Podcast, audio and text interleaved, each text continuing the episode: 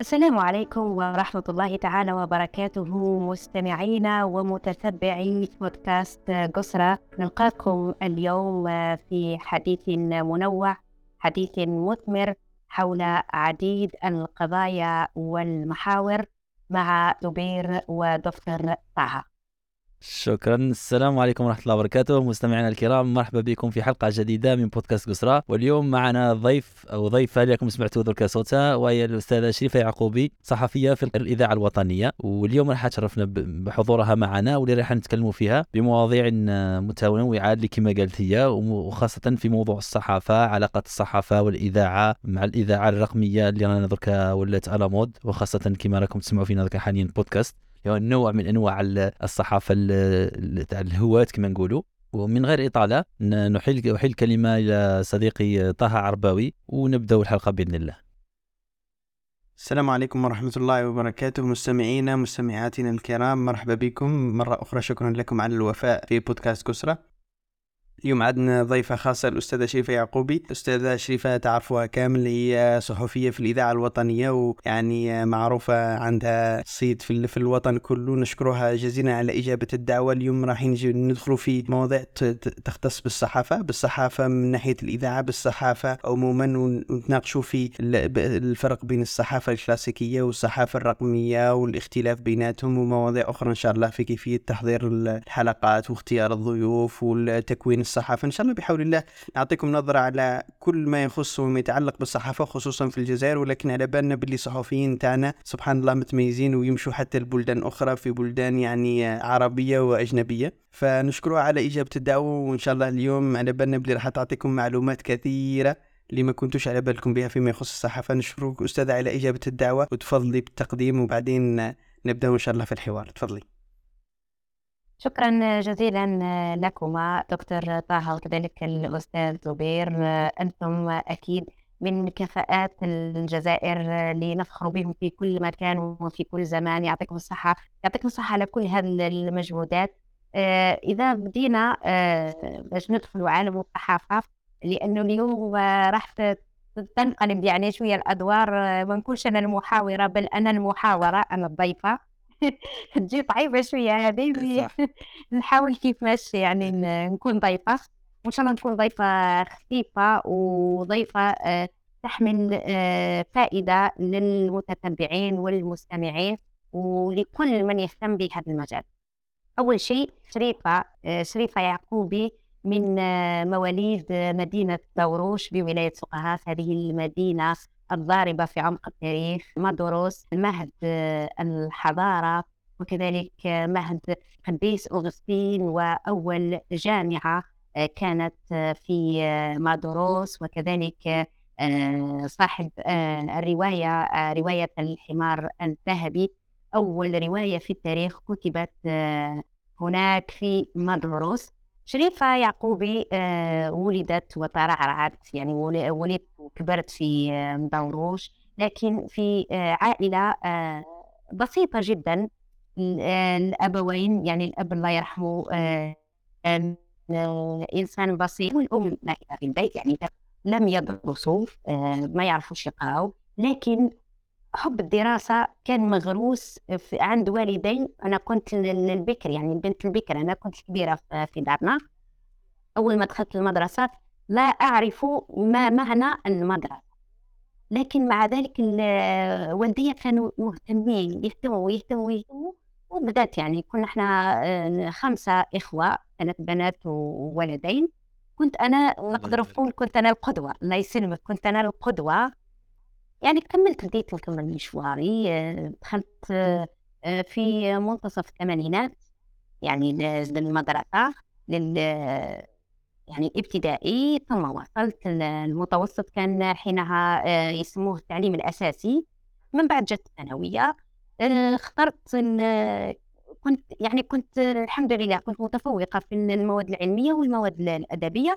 في أول الأمر مع الاختيار أنا أنا كنت أحب اللغات اخترت آه، شعبة الآداب في في ذاك الوقت كانت تسمى شعبة الآداب والعلوم الإنسانية. لكن بعدها ندمت وحبيت نبدل آه، يعني والدي الله غالب ما كانوش يعرفون قالوا لي واش حبيتي ديري آه، دبري راسك. بقيت حبيت نبدل حاولت حاولت لكن ما يعني ما ما جاتش الفرصة باش نبدل. كملت في الشعبة هذيك تاع الأدب والعلوم الإنسانية. جاء عام البكالوريا حصلت على البكالوريا. كنا يعني أنا كنت يعني نسمع أول شيء يعني حتى نعرف المستمعين أنه إحنا كنا عائلة من المستمعين الأوفياء للإذاعة كنا نسمع الإذاعة أنا مني كنت صغيرة نسمع الإذاعة نسمع كل المنشطين والمنتجين والصحفيين حافظتهم خاصة القناة الأولى. يعني كانت مسموعة آه، جدا القناة الأولى. كنت نسمع آه، حبيت هكذا ندير آه، نتخيل نتخيل نفسي أني نكون صحفية. وما على باليش إذا كنت أنتم تذكروا كانوا البنات البنات في الثانوية في في المتوسط كانوا يديروا كراس الذكريات كان عندي كراس الذكريات كان والله مازال يعني مازال لحد الآن في عندي يعني في دار والديه كراسة ذكريات من بين الكتابات اللي كتبوها لي زملائي آه، كتبوا لي نتمنى أن نراك تقدمين نشرة الثامنة يعني بقات هذيك العبارة راسخة في ذهني. قلت يعني تحصلت على شهادة البكالوريا لكن آه، المشكل آه، بلاك يعني المشكل الان هذا تحل يعني توضحت الرؤيه إنه حتى ما كانش توجيه ما كانش إعلام يعني للطلبة المتحصلين على شهادة البكالوريا يعرفوهم على الشعب وعلى التخصصات والتوجهات. نذكر كان أستاذ تاع لغة عربية آه، كلمنا قالنا فوالا واش كاين كاين تخصصات آه، كل تخصص وش هي فرص العمل فيه.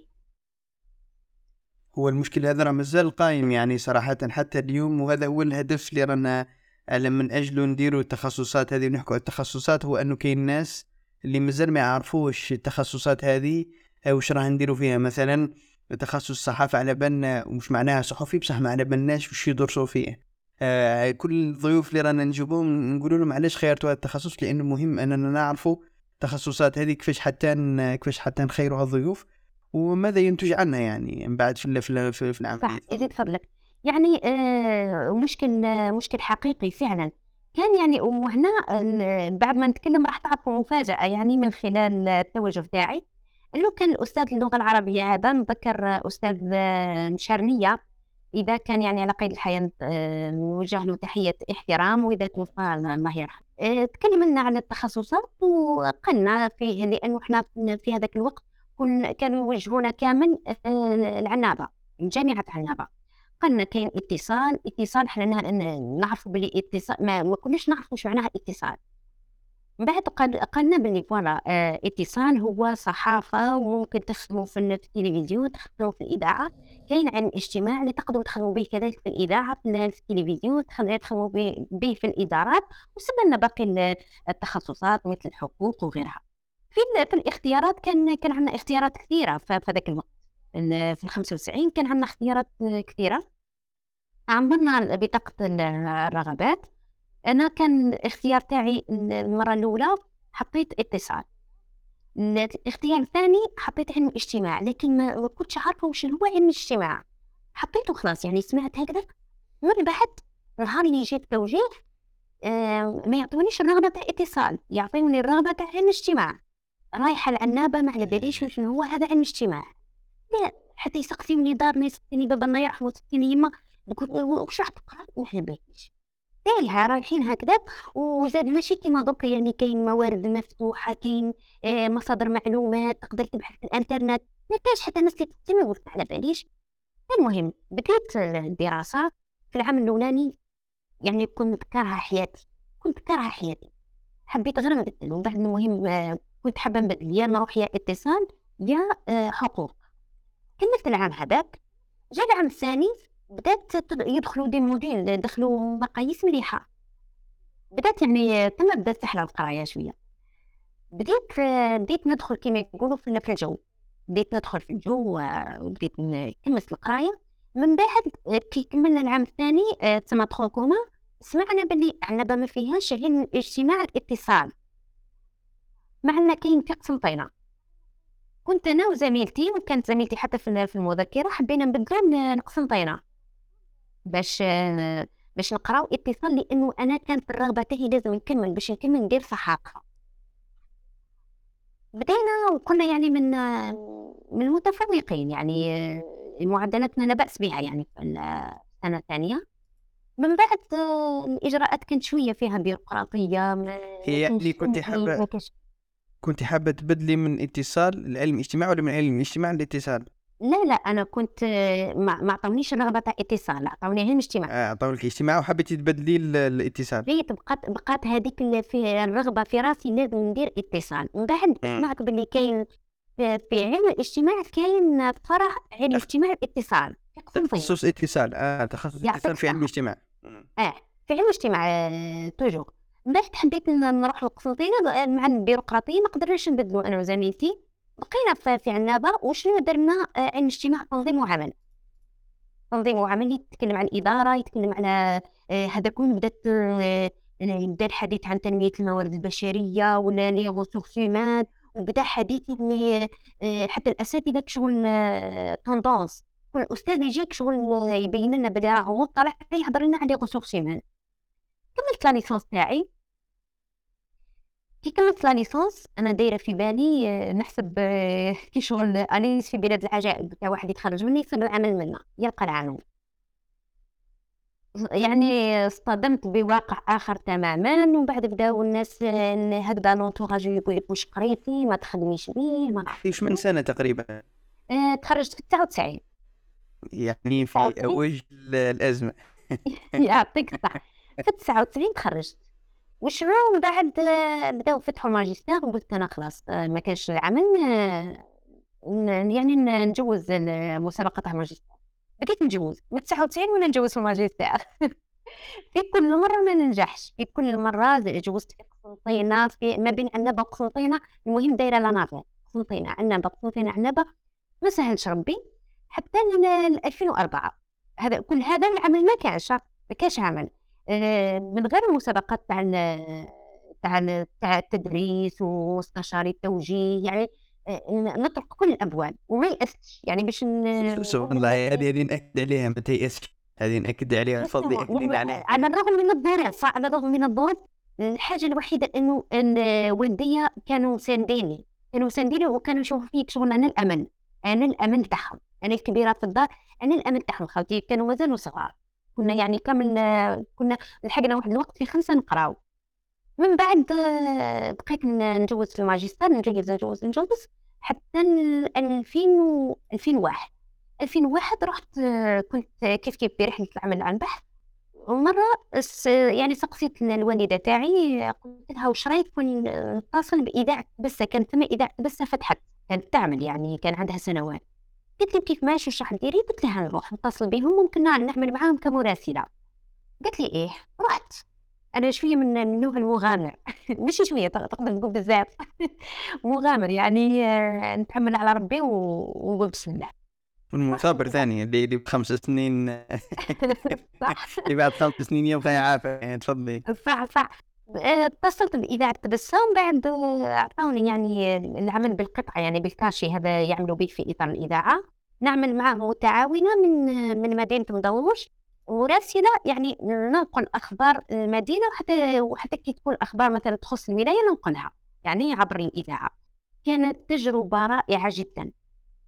كانت من أحلى التجارب يعني ومن أجملها هذه التجربة تاع تاع بصة في هذاك الوقت فتحوا آه، الموسع آه، باش يديروا آه، تما حطوها في الجورنال باللي راح يفتحوا إذاعة في سوق هراس لو تسمحي أستاذة فقط من ناحية نعم. المراسل إحنا دائما مثلا في الجرائد يعني كل الجرائد الجرائد المكتوبة ولا ولا الصحفيين نسمعوا هذه كلمة مراسل صراحة المراسل هذا إحنا نتخيلوه بلي المراسل هل يخدم مثلا كل يوم ولا يخدم آه لما تكون كاين أحداث ولا كي كيف يعمل مر... على عجال يعني باش ما نطولوش فيها ولكن حبيت نعرف شخصيا أنايا ونظن بلي كاين ناس راهم في نفس الحالة كيما أنايا كيفاش يخدم المراسل اللي هو عن بعد اللي هو مثلا مراسل في ولاية. أنا نعرف مثلا آه، كاين الأستاذ ربي يرحمه ولا راه مازال حي والله ماني نتفكر آه، محمد الرخاء اللي كان يخدم مع مع مع جريدة الخبر. كان يخدم في الجلفه كنا دائما نترقبوا الأخبار المحلية اللي كان يديرها في الجريدة. ونعرفوا تقريبا كل المراسلين المحليين. كيفاش يعمل المراسل في في في حياته اليومية؟ هو سؤال مهم جدا دكتور طه يعني اللي طرحته هذا. صح عمل المراسل يعني أنا نعطيك عن تجربتي في, الإذاعة. المراسل الإذاعي أنه آه، وعن تجربة نحوسوا على الاكتواليتي نحوسوا على الأحداث الحية يعني الجديدة. وكاين حاجة كاين مواضيع اللي ما تموتش مع الوقت. لكن دائما الأولوية أنه تكون الاكتواليتي آه، وحاجة يعني هو تقدر يوم تجد خبر هذا يدخل كذلك يعني في في تقييم المراسل إنه نشيط يعني يبحث عن الأخبار. حاجة ثانية نتكلم لك عن مثلا المراسل الإذاعي أنا كنت أتحرى الأخبار من مصادرها. لأنه آه، نطعموها بأرقام بإحصائيات بتصريحات من مسؤولين يعني أن الأخبار تكون من مصادرها. ما كاينش هذيك بإشاعة قال سمعنا بحكاية ونروحوا نهضروا لأن ندير مراسله نرفع التليفون ويسجلوا لي هما المراسله من ما ندوروش بتوقيع شريفه يعقوبي هكذا إشاعة. دائما يكون مصدر للخبر. هذه كانت يعني آه، نتكلم لك يعني كتجربة. الآن الآن يعني المراسل أصبح عنده آه، مواد كثيرة أصبح عنده وسائط كثيرة. يقدر آه، يعتمد فيها يعني على العمل بتاعه وتسهل له أكثر العمل أحسن من قبل.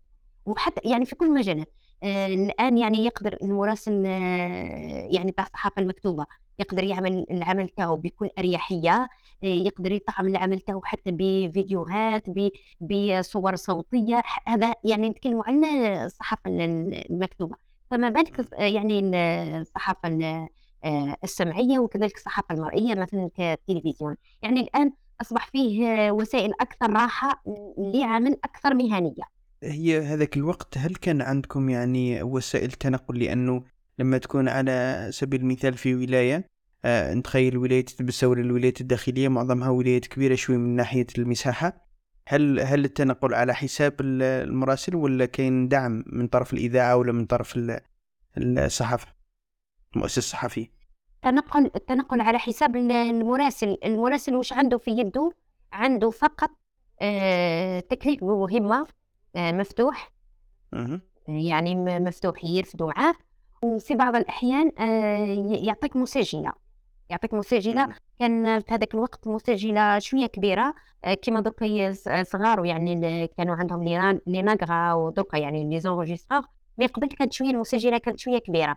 يمدها لك يعني لوقت معين تعاود ترجعها تزيد تسيني عليها تزيد مثلا يديها واحد آخر وهكذا دوالي لكن التنقل على حساب المراسل يعني يتنقل على حساب. صح نتخيل ثاني هذه سؤال شوية ممكن تقلب هي كيف هذوك كنت فاش كنتوا ديروا تسجيلات؟ نظن أنه أنا في خدمتي الحاجة كاش حاجة تخوفني قد نخدم خدمة من بعد تتمحى لي غلطة ولا تروح لي هكذاك. هل كانت تصرى هذه الأنواع من المشاكل ولا كيفاش كنت تتعاملوا معها؟ تروح لك الكاسيت ولا تسجل بعد تلقى مش عارف سجلت فوق واحدة أخرى ولا؟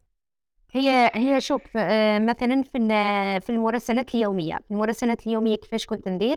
كنت نكتب المراسلة تاعي على الورق ومن بعد يعني كانت بوسائل تقدر تقول ماشي بسيطة بدائية.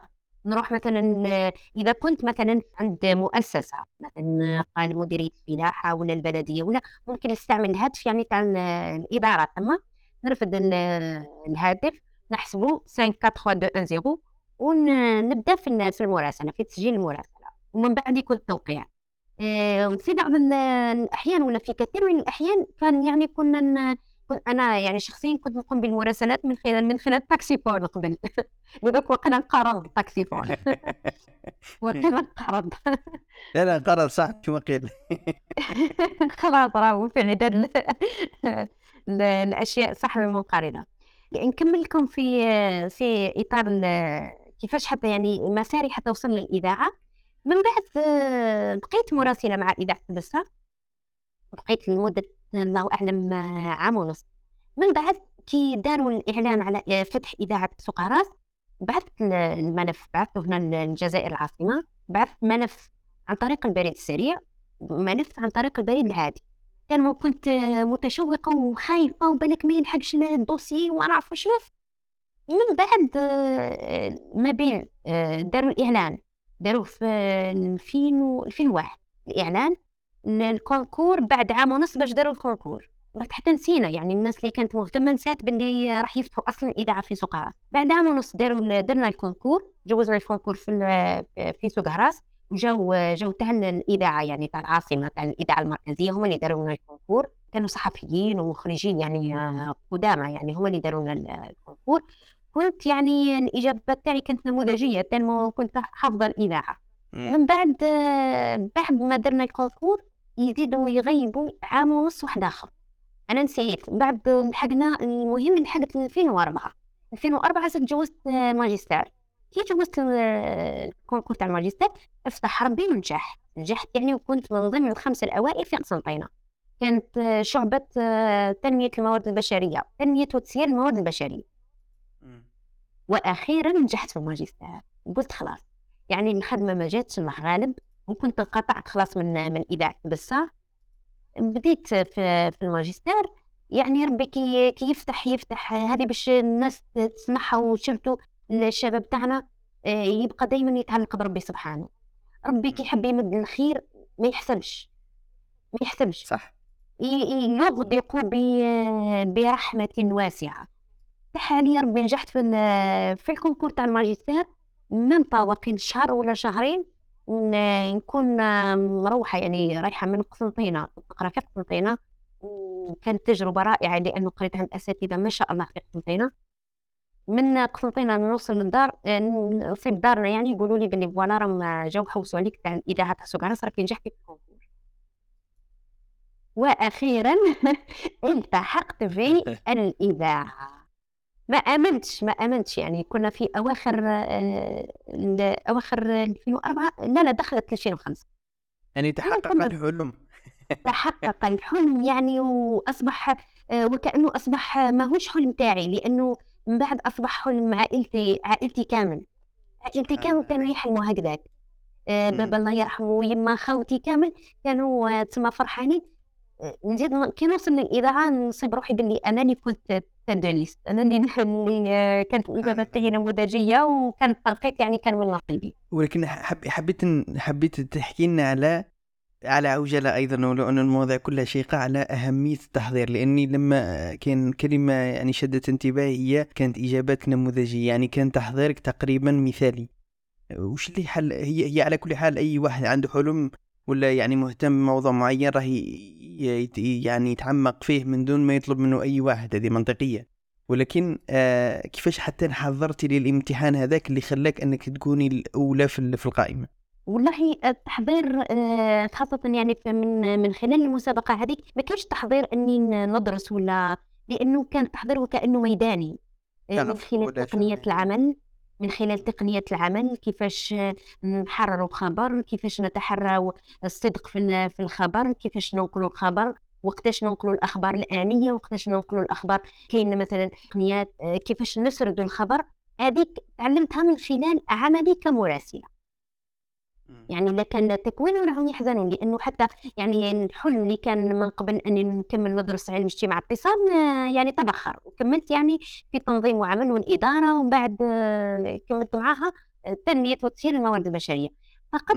كان ربما ربما في حالتي أنا أنه آه، حبي لهذا المجال خلاني على باليش وكأنه تكونت من خلال استماعي آه، الله. صح والله يا دكتور طه وأستاذ زبير كذلك نقول لكم حاجة صح الإذاعة كلمه سورتو الإذاعة في السنوات الماضية كانت مدرسة حقيقية.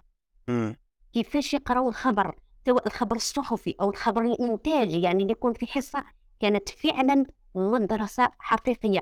آه، ربما من خلال تتبعي وسماعي بزاف للإذاعة كنت حتى في نبرات الصوت نعرف وقتاش نتوقف نعرف وقتاش ن... لأنه آه، من بعد آه، قالوا لي وكأنك راكي آه، خدمتي سنوات وسنوات وأنا. كنت يعني مجرد مراسلة فقط يعني ماهيش وهل تب- تبدلت الأمور ولا لا؟ حاليا تبدلت تبدلت تبدلت نحو الاسوء على حسب. تبدلت يعني ضعفت ضعفت نوعا ما لأنه التكوين حتى نمط التكوين في الجامعة الألم دي وغيره أثر بزاف على المتخرجين في آه، على المتخرجين في مجال الصحافة. ما نحكيش على لأنه آه، إذا نعطيكم فكرة فقط. إذا نتكلم عن القناة الأولى القناة الأولى فيها أعداد كثيرة لصحفيين يعني وهمداء صحفيين ومنتجي برامج في ال- في القناة الأولى. التخصص تاعهم ماهوش ماهوش صحافة. أنا أنا أنا حبيت إن تكوين الصحافه نخصصوا له وقت من بعد. آه ولكن كاين واحد النقطة مهمة جدا في الجزائر وهذه تلاحظها كثيرا. ممكن إحنا التقنيين في ال- في المجال التقني في الإعلام الآلي ولا في التخصصات التقنية ما نلاحظوهاش. لكن لما نشوف الناس اللي في العلوم الإنسانية الناس اللي تدرس مثلا علم الاجتماع ولا تدرس الرياضة ولا تدرس على بالك باللي بحكم انه العمل ما كانش تفرض عليهم يفرض عليهم الواقع تفرض عليهم التمارة أنه هو يدرس موارد بشرية وتلقاه شغوف بالصحافة ومتميز في الصحافة. والأزمة تريد بالهم أنا كي نسمع باللي أنت كنتي تحوسي لأنه نعرف واش معناها تحضير concours ماجستير. الماجستير راك بعد تحضر ولازم تدرس تراجع وكل عام ولو انه بعد عام وعام وعامين وثلاثة وأربعة يمكن تكون عندك الخبرة ولكن آه ولكن آه أنه واحد يحضر موارد بشرية ويفوت وهو كان باحثين علم الاجتماع ومن بعد بدلها علم الاجتماع الاتصال ويفوت ويدير مراسل. فهذا يعني ممكن أنت راكي عشتيها ولكن راكي مستصغرتها شوي ولكن التمارة هذه راه ماهيش سهلة ما يتخيلوهاش الناس باللي جات من والو. وما ننساوش باللي في هذاك الوقت ممكن أقل شوي اليوم ولكن ممكن في هذاك الوقت أنه المرأة باه تتنقل وتعمل وتتلقى الصعوبات هذيك تاع أنك هي مرأة وكذا. صراحة عمل جبار يعني الواحد ما يقولش باللي هاي سهلة آه سهلة باه ديرها دارت صحفية منا ومن بعد مشات دارت علم الاجتماع وخلطتها والو. راها راها يعني مواكبة ما يفرضه الواقع وأنه كانت لازم تدرس وفي نفس الوقت تحوس على عمل. صح صح. ويعني لأنه آه، في هذاك الوقت يعني معظم العائلات يستنوا آه، أبنائهم سواء بنات أو أولاد إنهم يكملوا بمجرد يكملوا لا ليسونس باش يبحثوا على عمل يعني باش يلقاو عمل. لأنه خاصة كي يكونوا الأبناء هما يعني ال- ال- الكبار في العائلة آه، العائلات يعني أنا نتكلم على نفسي عائلتي كانوا يستناو فيا باش باش نخدم يعني. شي تعاونهم يعني بتعاونهم يعني يعني باش عادي باش نعاون بابا يرحمه. عادي لأنه أنا كنت الأمل كنت أنا الكبيرة الآخرين صغار صغار عليا. ككل الجزائريين تقريبا إيه. صح صح. والله. بعدين كيفاش وقت وفقتي بين العمل في الإذاعة في سوق هراس وال- والدراسة في الماجستير. والله هذا كان تحدي كبير لأنه في البداية تلقيت صعوبات إني آه، نتخلى على واحد من الاثنين يا العمل يا الدراسة. كانت يعني آه، صعوبات الله يسامحهم لي آه، ماشي العائلة تاعي يعني في ميدان العمل. لكن أنا كنت مصرة وكنت عنيدة جدا. آه، أخبرتهم يعني قلت لهم آه، النهار اللي حوستوا عليا كي نجحت في ال concours لقيتوني نقرأ. كي نجحت في ال concours تاع الإذاعة لقيتوني نقرأ ماجستير كيفاش كنت ندير؟ غيرت آه، كنا نقرأو يوميا كانوا عاطيننا يوميا في هذاك. الوقت كان ال week-end آه، جمع ميتو جمعة خميس وجمعة آه وحنا كنا نقرأو سبت وحد. نقرأ في قسنطينة سبت وحد. خيرت les jours de repos تاعي سبت وحد. هذوك نروح نقرأ فيهم. يعني كنت دايرة لا la nav- la navette يعني دايرة شغل مثلث. ما بين قسنطينه مداوروش سكرة نروح. نقرأ نكمل آه، نبات هذيك الليلة في قسنطينه نقرأ من بعد نرجع ل- لسوق هراس نخدم ال- البرامج تاعي ومن بعد نرجع لدارنا يعني نكمل الأسبوع هذاك وهكذا دوالي خاصة العام الأولاني يعني السنة التحضيرية. من بعد في السنة الثانية ن- نرتحت لأنه خلاص من السنة التحضيرية اللي تكون فيها دراسة حضورية. بعد خلاص يعني آه، آه، استرحت الحمد لله وتحررت يعني من هذاك القيد تاع التنقل قسنطينه من بعد ولا سامحيني يا تواصل كاين المشرف كاين حاجة يا ناس يا شباب ما, ما, ما نحوسش نسمع من الناس يقولوا لي هذوك بداو يخدموا وقت الغفلة. يا ناس راه كاينة ناس ثابرت وحاربت ونحت من وقتها وراحتها. باش تكون وراها اليوم. دائما نسمع الشباب اليوم يقول لك آه أنتم وقت الغفلة كي كنتوا زوج قطوطة كان ما كان كانوا كاينين les postes ما كانش les postes كانت الناس تحارب. mais juste les postes ما كانش نهائي. لأنه تخيل تخرجت في 99 باش باش يعني عملت بصفة رسمية حتى ل 2005 امم 2005 يعني اللي نجحت في الكونكور بدينا مع بداية لأنه كنت 2004 خلاص مع أواخر في نوفمبر أكتوبر أو نوفمبر. نجحنا يعني في الماجستير. من بعد بدينا مع خرجت ل- نتيجة تاع مسابقة الإذاعة في أواخر آه، كيف كيف في أواخر آه، 2004 وبدينا مع بداية آه، 2005 بدينا العمل في الإذاعة. يعني وقت كانت فيها ضغوطات لكن مع هذاك آه، ربما مع الصغر والآخر وواحد يقول لك المهم نخدم المهم وشفته في الحاجة اللي يحبها. لأنه أنا أنا كنت من من الناس اللي حتى صح كنت نجوز مسابقات تاع التعليم لكن كانت ميولي بعيدة تماما عن التعليم يعني ما كنتش حابة. كنت نجوز يعني للحاجة للحاجة كنت نجوز لي كونكور لكن ما كان كان طموحي آخر. والحمد لله قلت لك يعني ربي كي يفتح يفتح من جميع الأبواب. يعني يرزق من حيث ما نحتسب. النجاح في في الماجستير والنجاح آه، في الإذاعة. الحمد لله. وكملت من بعد توالت يعني من بعد انتقلت للعاصمة. في لو لو ممكن فقط توضيح دورك كصحفية في في في القناة آه، سو سوق أهراس كان دورك يعني مقدمة برامج ولا كان ما هي الأدوار اللي كانت في الإذاعة المحلية؟ في الإذاعة المحلية كان كان العمل لأنه كنا كامل آه، فرحانين بالعمل يعني كفريق وكل شيء بدينا مع بعض آه، التقنيين وقسم الأخبار وقسم الإنتاج. أنا كنت في قسم الإنتاج كان عندي برامج كانت برامج منوعة ولأنه ك- كانت كما يقولوا كانت كاينة النفحة كنا حابين نخدموا فرحانين كنا وشنا آه، تعلمنا كلش تعلمنا أنا واحدة من الناس كنت المونتاج déjà كنت نعرف ندير المونتاج يعني التركيب تعلمت في يعني شكرا للزملاء تاع إذاعة تبسة علموني المونتاج. كانت عندي تجربة يعني كنت خبرة عليهم شوية. خبرة عليهم يعني كنت محظوظة إني آه، ندير المونتاج وشنو حاجة في الإذاعات الجهوية نتكلم على قبلنا يعني قبل 15 سنة آه، كنا نقوم بكل الأعمال إحنا نخرجوا نديروا الريبورتاج إحنا نخ- ندخلوا نديروا المونتاج آه، نديروا التقديم نديروا التنشيط نديروا كلش. لأنه مم. كان الفريق صغير كنا نديروا كل شيء. لا ومع ذلك كان عمل ذو مستوى. يعني نتكلم عن الاذاعات الجهوية قبل كان عمل ذو مستوى كان عمل جواري إعلام جواري كنا نتقربوا من المواطنين. كنا نتذكر يعني هذه حتى للنكتة فقط يعني حتى المتتبعين نضحكهم شوية نعطيهم شوية أمل. كنت كان عندي برنامج شباب. برنامج شبابي. وكنت نروح لل- للبلديات النائيات أو ولاية بوخاراس نتنقل أنا أول أول مرة يعني نعرفهم البلديات. ما كنتش ننتقل لهم من قبل.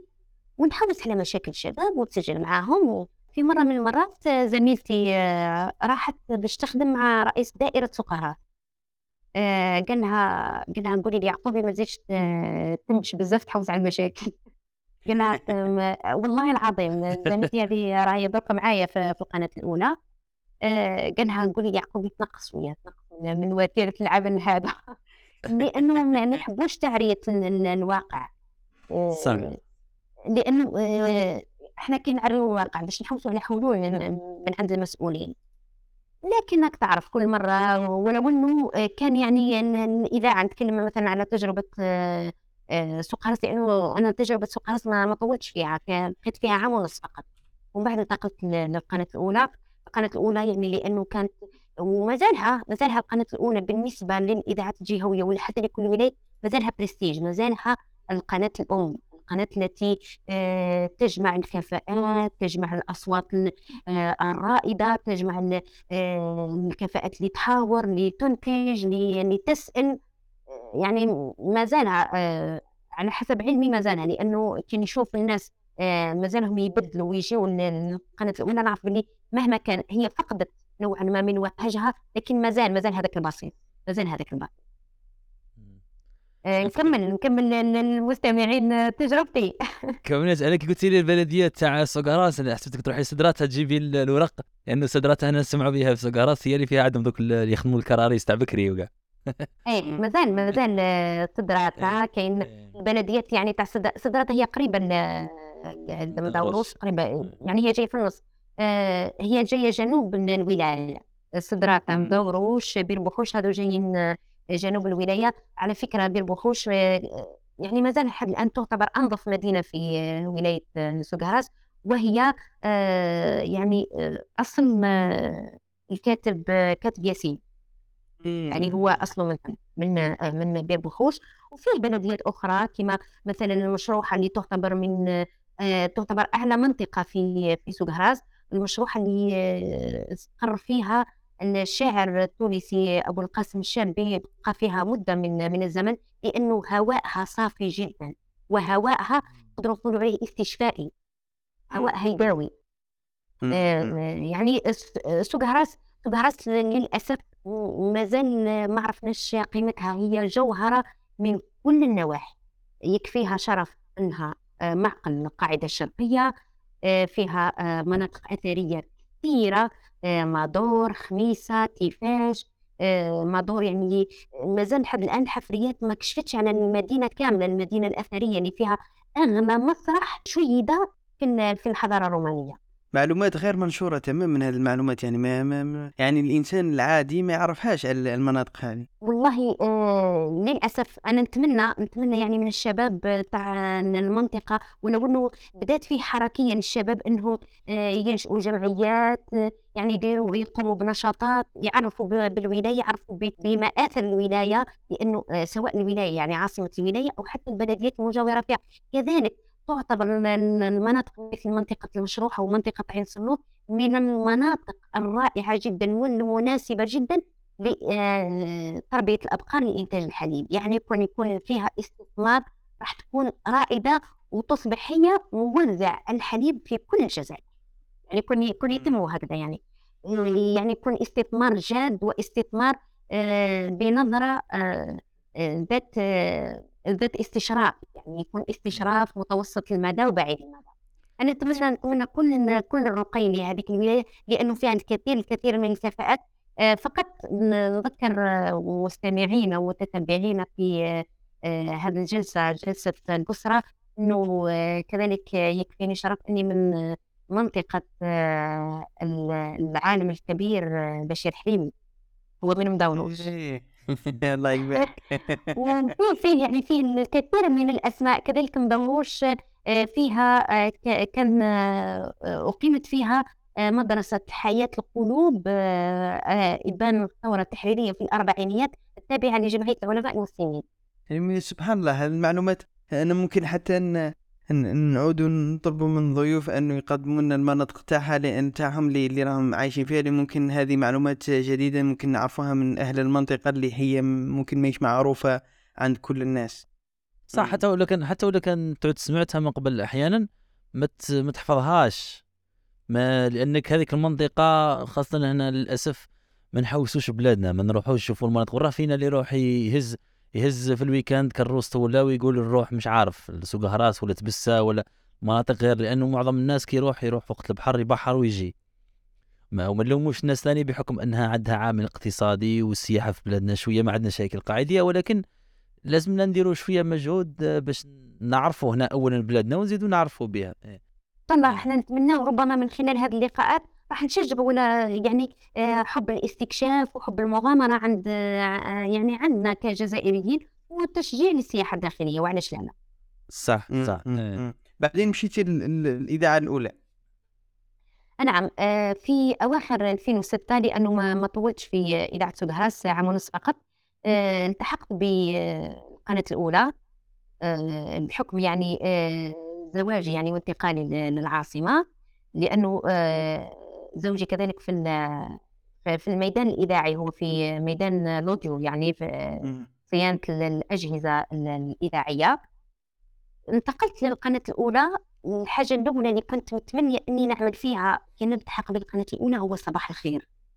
لأنه صباح الخير هو واجهة كل قناة. صح اللي تبدأ بها اليوم. يعطيك الصحة. وكنت يعني لأنه حتى كي كنت مستمعة قبل ما ندخل مجال العمل في الإذاعة ال- حتى كي نكون مثلا في, في يعني متنقلة في سيارة أجرة أو في حافلة يعني في, في بيس نكون يعني يديروا الإذاعة مع الصباح ونسمعوا نسمعوا هذيك الأصوات نسمعوا التقديم نسمعوا آه، يعني الفقرات كيفاش يعرضوها كيفاش يديروا l'actualité تاع كل شيء. كي وصلت لحقت ل- للقناة الأولى بعد آه، سقساوني قالوا لي واش تحبي تخدمي؟ أنا الحاجة الأولى قلت لهم صباح الخير. قلت لهم صباح الخير. والحمد لله يعني الحق عطاوني صباح الخير خدمت خدمت صباح الخير وكانت تجربة رائعة جدا والحمد لله يعني لقيت لقيت استحسان من طرفهم لأنهم حاجة حاجة حبيت يعني نوضحها إنه دائما ما على باليش إنه دائما الولايات الداخلية آه، تكون عندهم نظرة دونية على القادم من الولايات الداخلية في المرة الأولى وكأنه يتخوفوا من المستوى وكأنهم يتخوفوا من يقول لك هذا سيواجه لنا الجمهور ككل. هذه كان آه، من بعد. كي سمعوا العمل تاعي وسمعوا يعني شافوا عملي في الميدان يعني من من وراء. الميكروفون. عرفوا باللي آه، كما كما يقولوا يوجد في النهر ما لا يوجد في البحر. صح لا هي هي نظن هذا المشكلة عندنا في الجزائر كلنا هو أنه فعلا المناطق الداخلية مش في الإذاعة فقط نظن في كل. في كل المجالات أنه نتخيلوا باللي أنه الإنسان اللي جاي من المناطق الداخلية ممكن ما يتكلمش اللغة مليح خصوصا اللغة الأجنبية ممكن صح. الكفاءات تاعو تكون ناقصة ممكن التكوين الجامعي تاعو يكون ناقص فبالتالي دائما تكون هذه و- وأثبتت الأيام أنه آه، ولو أنه هذا النظرة عندها جانب تاريخي لأنه قي- يعني في القديم كانت هذه المناطق ما فيهاش يعني تكوين كما راه في التكوين في المدن الكبيرة اللي هي العاصمة ولا المدن مثلا عنابة قسنطينة ولا وهران. ولكن كاين كفاءات يعني صراحة كاين كفاءات وهذه الكفاءات يعني هي اللي راح اليوم هي في المدن الكبيرة. آه، واللي خلات واللي هي آه، يعني أبرقت في في, في كل في كل المجالات. تفضل هي بعدين بعد صباح الخير. بعد صباح الخير آه، تنقلت لبرنامج مسابقاتي. آه، لأنه التحقت في كانت الشبكة البرامجية بدأت يعني خدمت صباح الخير من بعد لظروف يعني صحية خرجت منه آه، لأنه كان يبدأ صباح الباكر يعني كان يبدأ ستة ستة كان يعني يبدأ البرنامج ولكن ال- لا لا استغفر الله كان الخمسة ونص يلزم تكون من وراء الميكروفون خمسة ونص الصباح لأسباب صحية في هذاك الوقت آه، خرجت من من صباح الخير ومن بعد آه، كان برنامج مسابقاتي كان يعملوا آه، الزميل آه، سامي قاسمي اللي راهو الآن في آه، آه، في سكاي نيوز على ما أظن. في مدينة واتسوف سامي قاسمي. كي من بعد غادر هو راح كان في هذاك الوقت آه، فتحت الإذاعة الدولية. كي فتحت الإذاعة الدولية؟ آه، شديت البرنامج تاعو آه، في حين يعني تنتهي ال- آه، الشبكة البرامجية وتبقى آه، وتبدأ يعني شبكة أخرى. ومن بعد بقات يعني آه، كانت يعني مرت فترة فيها آه، صعود ونزول يعني على حسب. يعني في على كل مرة كيفاش يكون ستاف مثلا تاع تاع القناة آه، كاين اللي مثلا أفكارك ما تعجبهمش كاين اللي لكن بالمثابرة وبال يعني بالإصرار زدت فرضت نفسي أكثر فأكثر ومن بعد آه، أنتجت برنامج آه، اسمه زوايا إعلامية. برنامج زوايا إعلامية كان آه، يهتم بالإعلام بالإعلام في الجزائر.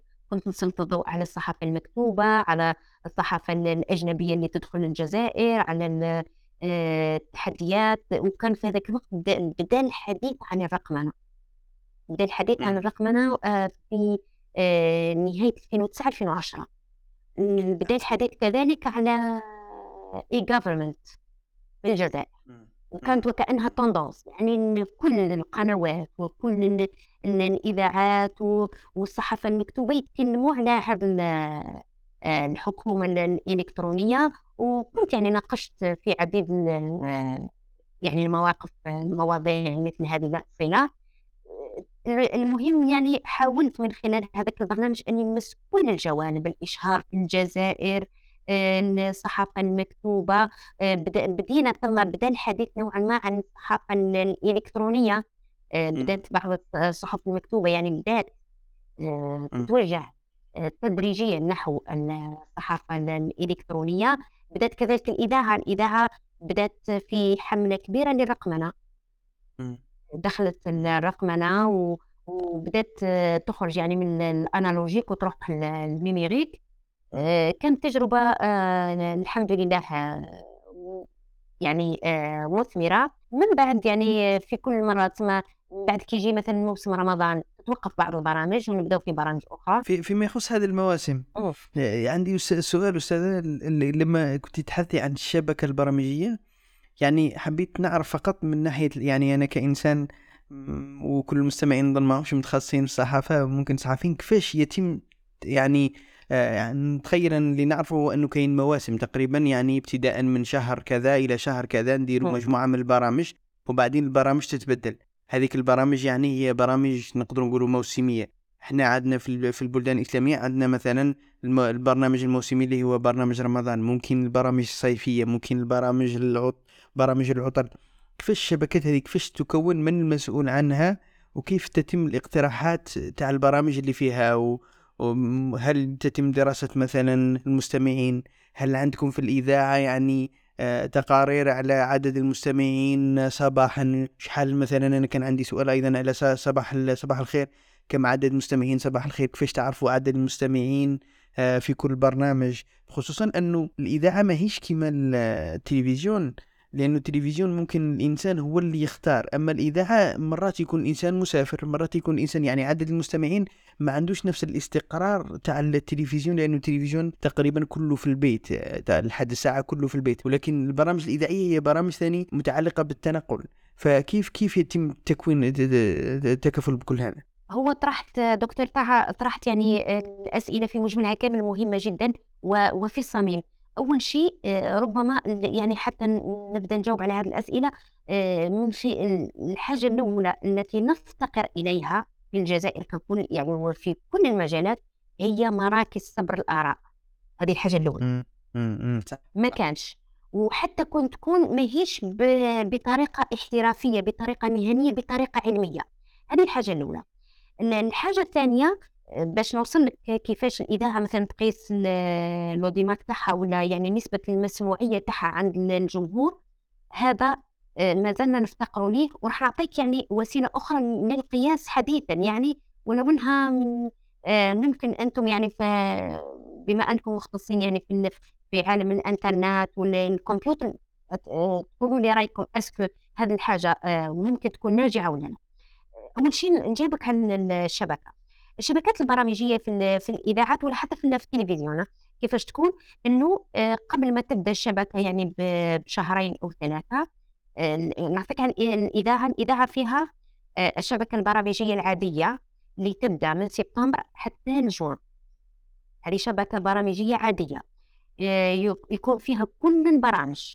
فيها ال- البرامج المنتجة والبرامج الإخبارية آه، يعني اللي تابعة قسم الأخبار. آه، في البرامج الرياضية البرامج الاجتماعية ال- البرامج الترفيهية البرامج الدينية والبرامج الاجتماعية وكذلك البرامج الموجهة للأسرة والطفل وغيرها. هذا فيما يخص البرامج. وكاين كذلك البرامج ال- الإخبارية مثلا كي تكلمت عن القناة الأولى البرامج الإخبارية عندهم البرامج ال- ذات البعد الدولي عندهم البرامج ذات البعد السياسي وذات البعد الاقتصادي. وذات البعد آه، التحليلي لأخبار آه، وأحداث الساعة. هذه في ال- الشبكة العادية. تأتي الشبكة الصيفية اللي تبدأ من جوان حتى أواخر أوت آه، هذه الشبكة الصيفية آه، في بعض الأحيان تبدأ من جويلية يعني على حسب الظروف. تبدأ تكون فيها تتوقف فيها البرامج الثقيلة واللي تمشي مثلا مع المواسم الاجتماعية أو الموسم الاجتماعي مثلا البرامج التعليمية. تتوقف ال- ال- البرامج اللي تمشي مثلا مع المدرسة مع الجامعة فيه برامج تتوقف. البرامج الثقيله يعني اللي تكون دسمة اللي تكون دسمة مواضيعها ثقيلة. حتى تاع الأخبار تتوقف آه، في الشبكة الصيفية. تبقى فقط بعض البرامج اللي تمشي مع ال- مع أخبار الساعة ويتم تخفيف البرامج. تخفيف البرامج بحيث إنه آه، التوجه يقول لك باش لأنه معظم ال- المستمعين يكونوا متواجدين على شواطئ البحر في يعني في المتنزهات في الغابات يعني في آه، يعني يكونوا آه، يكون الوقت تاعهم ان طون ليبر ألوغ ما يلزمش إن إحنا ن- نملوهم يعني يملوا ويكرهوا ندير لهم حاجة ثقيلة. نحاولوا نسيروا ال- ال- الفترة هذيك الفترة الصيفية وفترة العطل. ودايما تكون برامج. البرامج هذيك. ببرامج خفيفة تكون ببرامج خفيفة طيب طيب. آه، عندها آه، يعني نسبة من آه، من أهداف لازم تحققها مثلا عندك المتعة وعندك كذلك الفائدة لازم تكون الفائدة يعني لازم المستمع يستمتع ويستفاد كذلك. هذا نتكلم مثلا عن التوجه تاع القناة الأولى. وعندنا ال- ال- الشبكات نقدر نقول عليها استثنائية أو موسمية مثلا شبكة رمضان شبكة شهر رمضان دائما شبكة خاصة. فيه كذلك تتوقف بعض حتى في أي يعني آه، وقت ما يكون شهر رمضان في أي آه، شهر من السنة الميلادية ي- تتوقف البرامج وتكيف البرامج. ودائما كيفاش تبنى الشبكة البرامجية؟ إنه آه، يعلن عن استقبال اقتراحات المنتسبين لل- للقناة. قال صحفيين ومنتجين برامج كامل يمدوا مقترحات للبرامج ثم تدرس من طرف المسؤولين يعني لو ستاف يدرس هذاك ومن بعد آه، يعني في ال- في المدة الأخيرة أصبح فيه آه، لأنه قبل كان كان آه، شو نقولوا يقرروا شكون البرامج اللي تطلع وشكون البرامج اللي ترفض. دور يعني استشارة. الآن نتكلم مثلا على القناة الأولى أصبح فيه يعني تعقد اجتماعات اجتماعات يعني قبلية كل واحد يحاول يرافع على البرنامج تاعو ويحاول آه، يقنع المسؤولين بأهمية البرنامج بهدفه ب- بالحاجة اللي يحب يوصل لها من خلال هذا البرنامج. واضح. يعني مثلا كما الآن يعني شهر رمضان فيه آه، شبكة برامجية. آه، نتكلم على القناة الأولى شبكة برامجية واعدة و- وأنا نغتنم الفرصة يعني من خلال بودكاست آه، قصرى هذه الجلسة يعني آه، المفيدة أنه ندعو أدعو المستمعين والمتتبعين ومحبي الإذاعة أنه يتابعوني من خلال آه، برنامجين. برنامج فكري فلسفي يسمى مجتمع المعرفة. هو هو يعني راهو يبث حاليا لكن في رمضان راح يكون كل أسبوع. راح يتناولوا فيه الحديث عن الأخلاق الحديث عن مشكلة الأفكار عن الإسلام والحداثة على كذلك العلم والإنسانية. يعني هذه المواضيع. وفي برنامج آخر راح يتحدث على الأندلس آه، كلوحة منوعة من شتى المجالات العمارة العلوم الأدب آه، الحدائق الموشحات. المدن الأندلسية راح يكون من خلال برنامج الغصن الرطيب يعني هذا من إعدادي وتقديمي وإن شاء الله نكون عند حسن ظن إن المستمعين شاء الله إن شاء الله يا رب العالمين. المستمعين تاعنا يتبعوهم وإحنا حتى إحنا إحنا في قصرى يعني خصصنا برنامج خاص في رمضان فإن شاء الله يتابعوه ويتابعوا ال- البرامج تاعك إن شاء الله بعدين يعني كان كان هذاك السؤال اللي قلت لي حبيت نكملك على كيفاش. نقيسوا. كيفاش نقيسوا هذاك هو اللي حاب نرجع لك. تفضل. في آه، مؤخرا كي آه، بدأت يعني وس- آه، الوسائط المتعددة وخاصة وسائل التواصل الاجتماعي.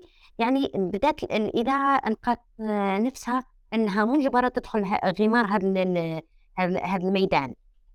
تدخل أنها تفتح صفحات لل- للفيسبوك للقناة للبرامج. لكن مع ذلك لحد الآن آه، ن- هو يتم القياس من خلال آه، بعض المنحنيات يعني والرسومات البيانية أنه مثلا نسبة الاستماع من خلال آه، الفيسبوك. لكن أنا شخصيا أراها غير كافية. غير كافية لأنه آه، الآن التوجه تاع ال- تاع تاع- تاع المجتمع ماهوش كما كما قبل ماهوش كما بكري. الآن لازم آه، صح هو التوجه أصبح توجه خفيف تاع الشباب يحوسوا على كل ما هو سريع. لكن مع ذلك تبقى دائما كاين طفرة كاين ناس تحوس على المعرفة ناس تحوس على العلم ناس تحوس على الفائدة وعلى مصدر الخبر ومصدر المعلومة.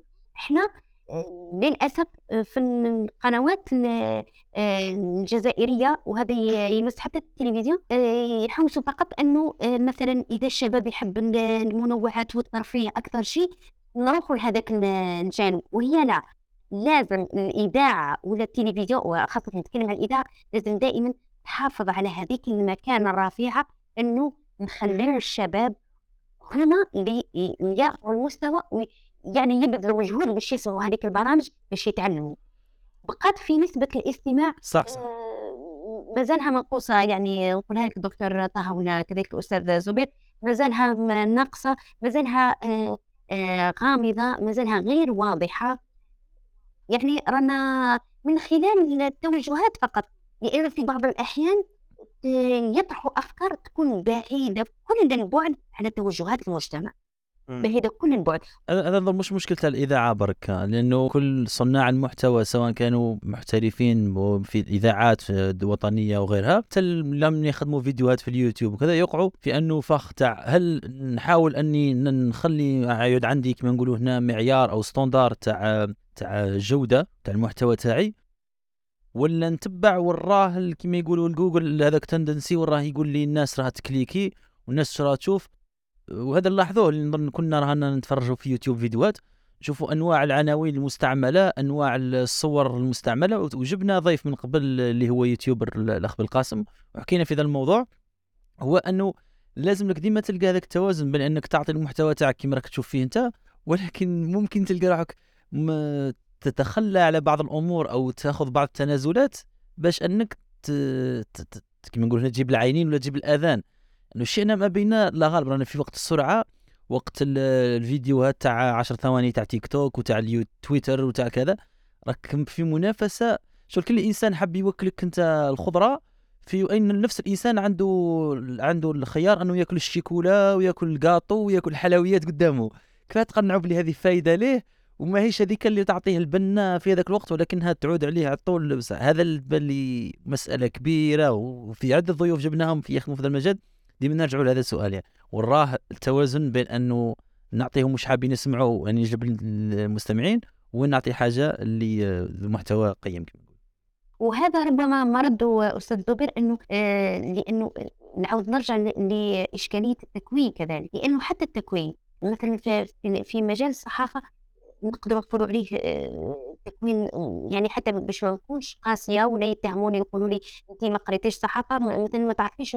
لكن أنا اطلعت على على مقاييس التكوين لأنه من بعد من خلال آه، مذكره الماجستير. يعني دخلت لعالم الصحافة من خلال آه، البحث العلمي إنه مذكرة الماجستير كانت حول الإذاعات والعمل الصحفي والتكوين. وكذلك رسالة الدكتوراه إني كان يعني الموضوع متمحور ومتمركز حول تكوين الصحفيين في المؤسسات الإعلامية منها الإذاعة والتلفزيون. إنه حتى المقاييس تبقى مقاييس جوفاء مقاييس بعيدة. تتكلم مثلا على على حاجة كلاسيكية حاجة نظرية وبعد هو يخرج يلقى ما على باليش أنا يلقى الاشاعات دايرة حالة يلقى أنه الميدان يطلب حاجة واحدة أخرى وهو مازال مازال في في القوقعه تاعو يعني قاري حاجة ما يقدرش يطبقها أصلا. وزد على ذلك يعني حتى في نقاش مرة أنا وزوجي حول يعني حتى طريقة التقديم وطريقة الالقاء ونشوفهم يعني من خلال المتربصين إنه راحت هذيك الطريقة المحترفة. قبل كان شي نقص لكن كان كان فيه احتراف. اليوم وهذا وهذا يرجع كذلك عفوا فقط يرجع كذلك لنقص الاطلاع. على الرغم من كل الموارد المفتوحة والموارد العلمية والمعرفية يعني وين دور المعرفة وين الدور تضرب في جوجل من من المعرفة لكن نقص الاطلاع عن العاملين الجدد أو الملتحقين الجدد. آه، يعرف آه، آه، هكذا في حيز صغير جدا. يعني نقدر هذا نقولها لك يعني بكل ثقة إنه الحيز تاع الاطلاع ضيق ضيق جدا جدا. هي هي الملاحظة هذه هي ملاحظة أيضا تقريبا تقدري تعميها على كل التخصصات لأنه لا آه، كما كنا بكري آه، بكري كان الإنسان كيحب يحوس على حاجة يحوس مثلا نعطيك مثال كنت تحب تقرأ مثلا كما إحنا في التخصص الإعلام الآلي تحب تقرأ لغه البرمجة. مثال وش يصرى لك؟ تروح تجيب كتاب كتاب كامل على لغه البرمجة. إذا كنت تحوس على حاجة ولا بد أنك تتصفح هذاك الكتاب وبالتالي يشد انتباهك في هذاك الكتاب أمور أخرى اللي آه، ما كنتش راح تشوفها لو كان ما يعني ما آه، كانش عليك أنك تجيب هذاك الكتاب. اليوم آه، كاين ناس نعرفهم حتى التدقيق الإملائي في اللغة العربية ولا في اللغة الأجنبية ما يحوسش عليه. تعرف شي يدير؟ يكتب. كيما جاتو في راسه يكتب في جوجل ويقول جوجل يصحح لي ما نكسرش راسي. وبالتالي وش أصبح عند الناس؟ نعطيك هذه نحكو مثلا من جانب اللغة بسيطة. سيدي ما نروحوش كاع لغات البرمجة نروحوا اللغات العادية لغات الإنسان. لغة الإنسان ولا الإنسان كاين ناس اللي علاش آه، يلقاو اليوم الأساتذة اليوم كاين مشاكل كبيرة في التعبير المشكلة في التعبير مش في الأفكار مشكلة في الكتابة في حد ذاتها. علاه لأنه الإنسان عاد ما يعرفش خصوصا نحكو في اللغات الأجنبية اللي هي الفرنسية والإنجليزية ولغات أخرى ما ما يعرفش كيفاش يكتب الكلمة فقط لأنه والف يكتب في Google و Google يصحح له ويكتب ويكليكي على جوجل يصحح له. في حين أنه في القديم كنت لازم تفتح مثلا قاموس ولا لازم تروح تفتح الكتاب وتقراه وبالتالي هذا نظن في رأيي هو تأثير سلبي للتكنولوجيا. يعني كما كنت تقولي كاين توفر المعرفه وتوفر بطريقة يعني من أسهل ما يكون ولكن ممكن هذاك هو اللي خلى اليوم التكوين هو يكون ضعيف.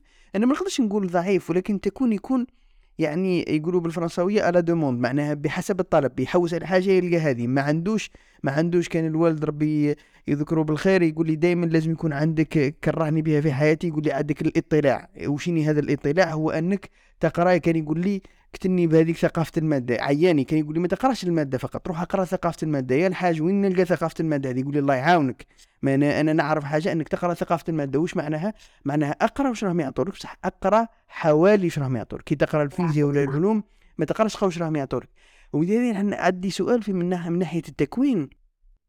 ما ما عدا الفرق اللي هو أنه توفر المعلومة ما هي الفروق الفروقات اللي راكي لاحظتيها بين التكوين القديم بحكم أنه التكوين تاعك كان قبل الرقمنة والتكوين اليوم وكيفاش ممكن نسدوا الثغرات اللي راه عندنا اليوم آه، في, تكوين الصحفيين؟ تكمله برك على السؤال تاع طه.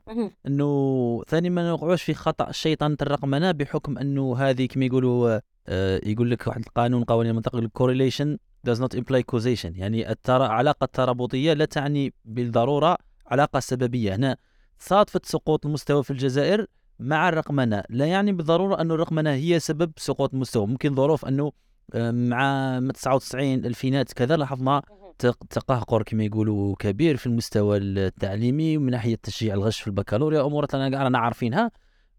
نظن بالك عندها سبب أكبر بكثير من الرقمنة لأنه لو شفنا دول أخرى اللي هي من أكثر دول رقمنة في التعليم سواء من اليابان والنرويج وارواح رايح مستواهم طلع ولو حتى دول عربية كما قطر اللي راها تتصدر قائمة أحسن الانظمه التعليميه أه، نظن في هذا الموضوع. وين ممكن من تجربتك تجربتك كمل على سؤال طه. وراه الفرق بين التكوين من قبل ومن بعد والتكوين أه، في عصر الرقمنه وقبل عصر الرقمنه نعم. هو هو شوف يعني كما كما قلت ما نشيطنوش الرقمنه هو كل هذه التكنولوجيا ما هيش هي هي السبب إنه آه، سوء الاستعمال يعني من طرف البشر من طرف الأفراد من طرف الطلبة وغيره. لكن المشكل إنه آه، التكوين هو شيء يلزم إعادة آه، النظر في في التكوين الجامعي. هذه الحاجة الأولى. والحاجة الثانية إذا تكلمنا على التكوين يلزم نحفزوا الطالب ولا حتى التلميذ على القراءة على حب الاطلاع وكما قال دكتور طه إنه آه، واش كان يقول الوالد تاعو ربي يحفظه؟ إنه آه، يلزم تقرأ ثقافة المادة يلزم الاطلاع في كل مجال. كل حاجة تقراها آه، إحنا كاين مثلا وانسان يعني يما تقولوا ويقولوا في منطقتنا يقول احفظ وترك احفظ وترك يعني كل حاجة تقراها راح تصيبها راح تصيبها في حياتك إحنا لازم يركزوا على الاطلاع والرقمنه المشكل إنه حتى الرقمنه آه، من غير المتخصصين في في المجال الإعلام الآلي ولا هذا هذا كما يقولوا السواد الأعظم الذي يستخدم الوسائط التكنولوجية. لا يفقه فيها شيئا فقط بعض آه، البديهيات يعني أو بعض الأساسيات فقط يعني نستخدم التكنولوجيا. لذلك آه، نقدر هذا السلاح اللي هو سلاح ذو حدين نقدروا إنه نستفادوا منه بطريقة عجيبة جدا. فقط نطلع نطلع على كل شيء نتعلم كل شيء. اليوم ال open source يعني المصادر المفتوحة راهي متاحة للجميع في كل المجالات قبل كما تكلم آه، دكتور طه إنه باش تجيب كتاب ولا تتحصل على كتاب من من مكتبة يقول يحب لك يعني باش باش تلقى كتاب ولا واحد يسلف لك ولا تشريه ولا يكون غالي. اليوم الكتابات متوفرة في الإنترنت. يعني نقدروا الحاجة اللي فيها فايدة واللي آه، عندها استثناء لهذه الفترة بالتحديد إنه يقدر الإنسان يكون نفسه بنفسه يكون نفسه بنفسه. كل حاجة متاحة على هذه الوسائل والوسائط التكنولوجية. باقي يعني كذلك أهمية كبيرة للتأثير والإشراف والتوجيه من طرف المؤسسات التعليمية. آه، يعني يلزم نعاود النظر في آه، حتى طرائق التدريس حتى طرائق التدريس صح. يعني وهذه نعالجها أنا آه، من خلال ضيوفي والخبراء اللي يجيوا للبرنامج قضية التعليم اللي آه، يعني أعده وأقدمه على امواج القناة الأولى إنه في كل مرة نحاول نبحث على حلول عملية حتى تقدم سواء للأستاذ أو للوسط المدرسي ككل أو حتى للأولياء لأنه اليوم كيتكلموا ما نبقاوش فقط يعني كيفاش نقول يعني نجربوا أو نكابيليزيو المدرسة ولا. إحنا كلنا مشتركون في هذا كلنا مشتركون. حتى الأسرة حتى الأسرة اليوم أصبحت آه، كل حاجة ترميها لل- لل- للإنترنت وآخر. روح حوس لكن ما عندناش une méthode ما عندناش منهجية في البحث. نخلي ولادنا هكذاك هايمين نحوس هكذا يتعلم الطفل يعني ما من صغره يتعلم كل حاجة كما قال دكتور طه إنه على المقاس. نحوس نحوس مثلا على Python نحوس غير على Python ما نشوفش مثلا لغات البرمجة الأخرى Java ولا ما نسحقهمش نحوس Python هذا ما كان. مثلا أنا نحوس على آه، آه، مثلا في في مجالي أنا عندي مثلا برنامج تكنولوجيا. أنا برنامج تكنولوجي أنا التكوين تاعي ماهوش تكنولوجيا ماهوش علمي. لكن خلاني أنه نتكلم مع ضيوفي آه، في بعض الأحيان يسألوني يعني آه، يقولوا لي هل التكوين تاعك كان علمي؟ نقول لهم لا لا التكوين تاعي كان أدبي. يقولوا لي تضحكي. نقول لهم نحوس يعني كل شيء متاح أنا أنا كل الشباب اليوم إنه آه كل شيء ما بين يدي. كل شيء ما بين يدي. جيتي في السؤال اللي كان عندي واللي طرحناه في حلقة مع ضيف قبل؟ اللي هو أنه آه، أنا بحكم أني نسمع تسمع الصحافة عدة دول مثلا الفرنسية ولا الإنجليزية البي بي سي ولا تسمع الأمريكية ولا الكندية ولا الألمانية ما يهمش. كي تسمع ال- ال- الصحافة الأجنبية ولا حتى حتى في الجزيرة ده يعني حتى في الصحافة العربية كاين صحفيين اللي هو صحفي ومتخصص في موضوع معين. نعطيك مثال آه يقولوا باللي آه الصحافة آه مثلا هذا صحفي مختص في ال- في في السياسة. هذا صحفي مختص في الرياضة. هذا صحفي واللي كما قلتي لي انت لازم يكون عنده تمكن آه في يعني في موضوع معين ولا في مجال معين نقدر نقولوا في مجال معين. هل اليوم التكوين في الجزائر تاع الصحفيين يناسب هذا؟ يعني يناسب أن الصحفيين يكونوا آه، متمكنين في يعني كاين مثال وين كاين مثلا حتى صحفيين يكون هو عنده يعني شهادة في ال- في الصحافة وشهادة مثلا مثلا في الطب ويكون مختص في العلوم الطبية. مثال مختص في البيولوجيا. مثال هل اليوم التكوين هذا يعطيكم مثلا اختيار في التكوين في الجزائر؟ يقول مثلا صحفي ولكن مع تخصص آه، في العلوم الطبية. صحفي متخصص في الرياضة صحفي متخصص في العلوم السياسية صحفي متخصص في الاجتماع صحفي متخصص في التعليم. هل هذا وأنا نظن بلي هذا ينقص اليوم لأنه لاحظوها لاحظوها في أسئلة صحفيين أنه ممكن مرات كاين صحفيين اللي متمكنين اللي هما يحبسوا حدهم كما كنت تقولي لي أنت تعود متمكن أنا راكي كي قلتي لي Python معني تعرفي حتى لغات البرمجة. كاين صحفيين اللي يعود يسأل فيك سؤال في الشرق والمجال في الغرب. ماهوش عارف وين راه الحكاية ماشية. وبالتالي حتى يحط الضيف في موقف حرج والضيف ما يقدرش يقدم المرجو منه المطلوب منه ما تكون الأمور صعبة جدا. فهل هذا ينقص ولا إذا كان كاين علاش ما نلاحظوش؟ علاش علاش ما نلاحظوش اليوم في الصحفيين اللي في الجزائر؟ هو آه، شوف يعني نقول لك حاجة يعني في الصحفيين في الجزائر للأسف ما كانش التكوين المتخصص هذا. آه، الصحفيين يقراوا هكذا آه، des modules يقراوا على الصحافة السياسية على الاقتصادي لكن تبقى أمور نظرية يعني تبقى des modules مازالها شوية بعيدة عن الميدان. آه، باقي حاجة إنه من خلال الممارسة من خلال الممارسة والتكرار والتكرار يصبح يولي يقول لك الصحفي الفلاني راه حاكم الملف السياسي والصحفي الثاني حاكم الملف الاقتصادي. لكن ما فيش تكوين ميداني وهذا سلطت عليه الضوء. أنا في آه، رسالة الدكتوراه تاعي حتى إنه ال- الاسئله ان اجوبه الصحفيين من التلفزيون والإذاعة يعني بكل قنواتها آه، التلفزيون بكل قنواته والإذاعة بكل قنواتها انه الصحفيين لم يتلقوا تكوينا متخصصا. لكن في على ما أظن آه، إذا لم تخن الذاكرة في الله أعلم 2009 أو 2010 وعند فتح المدرسة العليا للصحافة وفي هذاك الوقت فتحوا فتحوا ال- الماستر المتخصص. للصحافه الطبية والصحافة السوسيو آه، ثقافيه آه، إيه السوسيو ثقافيه والصحافة المؤسساتية وعلى ما اظن الصحافة الاقتصادية. لكن آه، هنا آه، إذاعة والتلفزيون ما ما اغتنمتش الفرصة ودارت مثلا اتفاقية مع المدرسة العليا للصحافة التي أعيد فتحها بعد عقود من الزمن انه تغتنم هذه الفرصة وتكون صحفيها في هذه المدرسة العليا. بقات يعني كانت فيه دفعات لكن الدفعات هذه لم آه، يظهر لها أثر في الإذاعة أو التلفزيون لأنه آه، ناس كانت مثلا des médecins راحوا جوزوا الماستر ونجحوا في ال concours لكن من بعد هما ليسوا منتمين لا لل- لا للإذاعة ولا للتلفزيون هي كانت عمومي. تجربة رائدة يعني كون كملت من بعد من بعد لأسباب لا أعلم ما هي. آه، تم التخلي عن ال- المصدر المتخصص هذا وبعد أصبحت آه، المدرسة العليا للعلوم السياسية ويعني حتى التسميات آه، تغيرت باقي أنه آه، الصحفي مطالب أنه آه، ولو انه حتى ولو يت- يتكون يعني نفسه يتكون نفسه يبحث لأنه في الصحافة يلزم حتى اختيار المصطلحات. اختيار المصطلحات ونعرف اليوم مثلا في الصحافة السياسية الصحافة السياسية يلزم اختيار والتعرف حتى على كل ويعني المعنى كل مصطلح. نعرف إنه فيه صراعات جيوسياسية فيه آه، صراعات آه، يعني دبلوماسية. لذلك يلزم على الصحفي أن يكون حذق و يعرف ي- يختار ال- ال- المصطلحات كذلك الصحافة الاقتصادية. الصحافة الاقتصادية هي من آه، من من دورها ومن مسؤوليتها أنها تعرف كي نتكلموا عن الصحافة الاقتصادية يلزم آه، نبسط ال- المصطلحات ونخلي المستمع يفهم وش معناها التضخم. ممكن مثلا يكون تخرج المواطن تقول وش معناها التضخم ولا حتى كنت شخصية صحفي تقول له وش معناها التضخم ما على بالوش.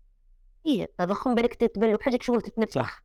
في شغل حاجة تتنفخ ولو إنه والله العظيم ولو إنه في صحفيين يبذلوا مجهود والآن آه أصبح يعني حاجة مليحه إنه حتى الصحفيين آه بداوا ي- يتوجهوا أكثر من اللغات يعني يتوجهوا أكثر من نتكلم يعني فيه صحفيين يتوجهوا للغات فيه كذلك اطلاع على على الدراسات. يعني هنا الفضل تاع ال- الإنترنت والشبكة العنكبوتيه أنها أتاحت الاطلاع على كل ما هو عالمي وعلى كل ما هو دولي.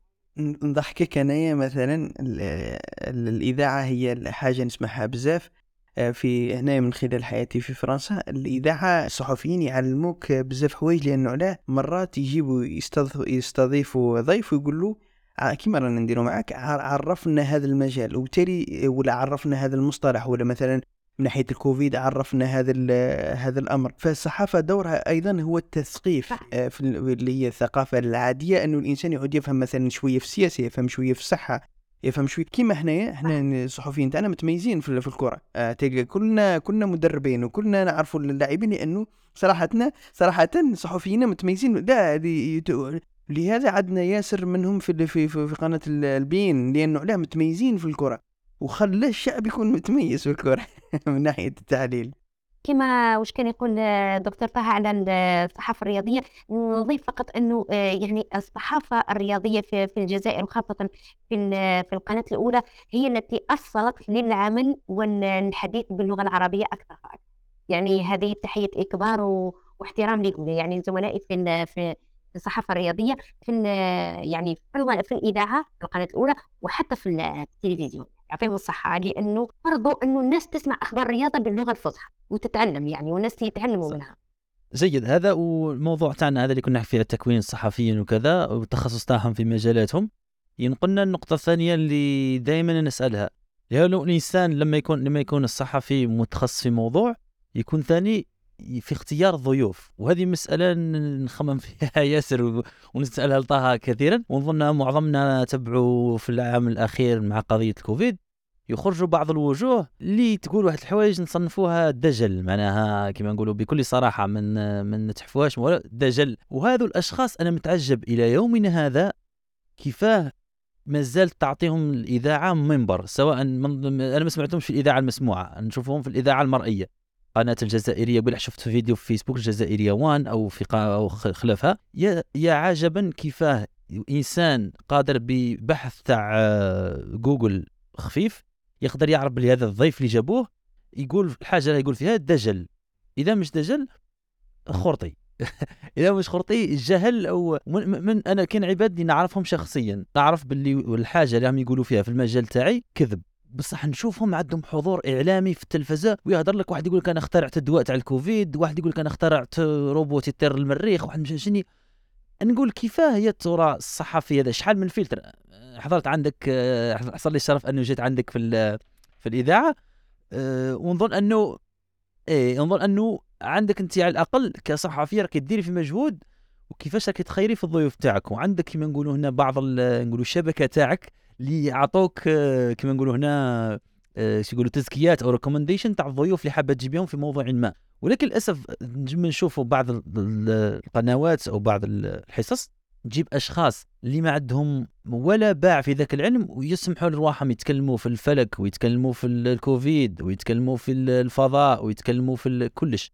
في الرياضة يعني نحير نقول كيفاش الصحفي معناها أنا كي نشوف هذاك الصحفي يا يجيب هذاك النوع من الناس ويهضر معاه كأنه عالم أنه كأنه سلطة أو في هذاك المجال أو كإنسان موثوق في هذاك المجال أنا نتكلم نضربها بالصفر. ولكن الإنسان العامي اللي خاطئ في ذاك المجال ما يعرفش. يقول لك هذاك واش راه يقول؟ صح الجزائر خدمت دواء الكوفيد مثال ولكن راهم الجزائر آه، راها السلطة تحارب في العلماء تاعنا. وهي كلمة حق أريد بها باطل. آه، كي- كيفاه أن هذه المسألة اللي ديما نخمم فيها كيفاش اختيار الضيوف؟ وهل هناك كما نقولوا ما باليش كما سلطة الضبط ولا ك ولا كيما نقولوا هنا فيل سيف ميكانيزمات بحيث انها حتى ولو الصحفي كان يحاور في إنسان مش من المجال تاعو. أنا ما نلومش صحفيا 100% لأنه حتى أنا قادر نجيب إنسان خارج المجال تاعي يحكي لي آه، خرافات وأنا نصدقه بحكم أني ما نعرفش المجال. ما هي الميكانيزمات اللي تسمح للصحفي أنه يتجنب هذا النوع من الأخطاء؟ وخاصة لما تكون تتكرر نشوفوها. تفضلي هو أول شيء. آه، نعاودوا نرجعوا لضرورة الاطلاع. وحتى يعني إذا تكلمنا إذا نشوفوا العلماء القدامى يعني ومنهم ابن خلدون ابن خلدون يلزم الاطلاع على كل المجالات هذه يعني آه، ما نحكيش على التخصص نحكيو على الاطلاع. هذه الحاجة الأولى. الحاجة الثانية مثلا نتكلم على الإذاعة الإذاعة عندها خط افتتاحي. أول شيء إنه إحنا بحكم انتمائي للقناة الأولى إنه نبح... نبتعد تماما عن تلك ال- المصادر أو الضيوف الذين آه، يعملون على الإثارة يعني آه، ال buzz هذه الحاجة الأولى. الحاجة الثانية عفوا لأنه آه، تكلمت على بعض القنوات الخاصة آه، وقبل قليل تكلمت على نقطة مهمة أنه الناس تبع tendance واليوم أصبحت كل القنوات وكل يعني المؤسسات الإعلامية أصبح عندها آه، قنوات على اليوتيوب وعندها كذلك آه، صفحات التواصل وحتى على الإنستغرام. لذلك يبحثون عن ال buzz وعلى الملايين المشاهدات و- آه، كمصدر دخل آخر. هذا لأنه الناس ولات عندها tendance يقول لك خلاص اليوتيوب راه يخلص الناس كامل وباش يخلص باش ي- ب- بنسبة المشاهدة. يعني نسبة les vues لازم تطلع ونسبة ال j'aime بقات في اختيار ال- ال- الضيوف. نتكلم لك مثلا عن عن عملي وعن تجربتي. إحنا في علم الاجتماع من بين العينات يعني عينات البحث يقول لك عينة كرة الثلج. أنت كتجيب ضيف كتجيب ضيف. أنا نهار اللي استضفتك آه، أستاذ زبير وحتى استضفت آه، أستاذ آه، دكتور طه إنه نتكلم تقول لي راني نعرف أشخاص في نفس الميدان. يعني كرة الثلج تبدأ تكبر تبدأ تكبر كرة الثلج. يعني تبدأ تتوسع شبكة ال- الاتصالات. يعني أكيد ال- الشخص اللي يكون يعرفه. أستاذ زبير ولا الشخص اللي يكون يعرفه آه، آه، طه عرباوي راح يكون في نفس المستوى. يعني هذه آه، من الميزات يعني من من الحظوظ إنه الشخص الجيد يقودك لشخص جيد آخر. ويبقى كذلك في اختيار الضيوف إنه تكون آه، تكون اطلاع تكون اطلاع على ال- ال- الموضوع ويكون عن المجال ككل آه، تصبح فيه نوع من الخبرة في آه، اختيار الضيوف. يعني آه، نشوف الضيف هذا أسكو يصلح لهذا الموضوع ولا لا. وحتى يعني آه، في بعض الأحيان تصرى أنه آه، نختار ضيوف أنا صارت لي مرة يعني ضحككم آه، كنا في إطار آه، جمعية أولياء التلاميذ كانت زميلة يعني في التلفزيون قالت لي كاين شخص ينشط يعني في في هذا الإطار وإنسان هايل ويهضر مليح ويوصل الميساج للمستمع. أنا دائما لأنه كي نكون في في برامجي نلبس كل القبعات. إذا كنت في برنامج تعليمي نلبس قبعة التلميذ قبعة الولي قبعة الأستاذ حتى نحاول نطرح الانشغال والإشكال من كل جوانبه. يعني نكون آه، هذاك التلميذ المتوسط وضعيف المستوى والمجتهد والأستاذ الأستاذ المتكون وغير المتكون. نحاول يعني في كل محاولة الكمال لله سبحانه وتعالى لكن في كل مرة نحاول يعني آه، نشمل كل الزوايا.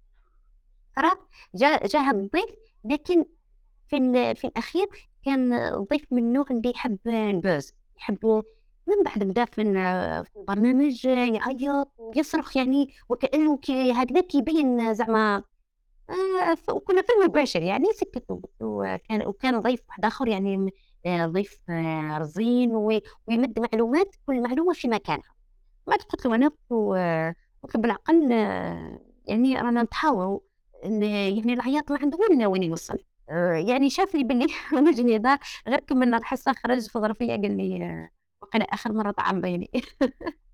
وفعلا كانت أخر مرة دارها آه والله العظيم وفعلا كانت آخر مرة عرفته فيها. يعني آه، دوك حوالي آه، عامين ولا لأنه آه، الهدف إنه نفيد المستمع. ما مش باش نجيب واحد يدير الإثارة ولا آه، هكذا يثير مواضيع باش يدير الباز وزعما باللي راهو عنده حضور في ال- في الإذاعة ولا في التلفزيون هذا ما يفيدش. إحنا يلزم يلزم نمشيو بهدف إنه نخليو اثر ايجابي في المجتمع.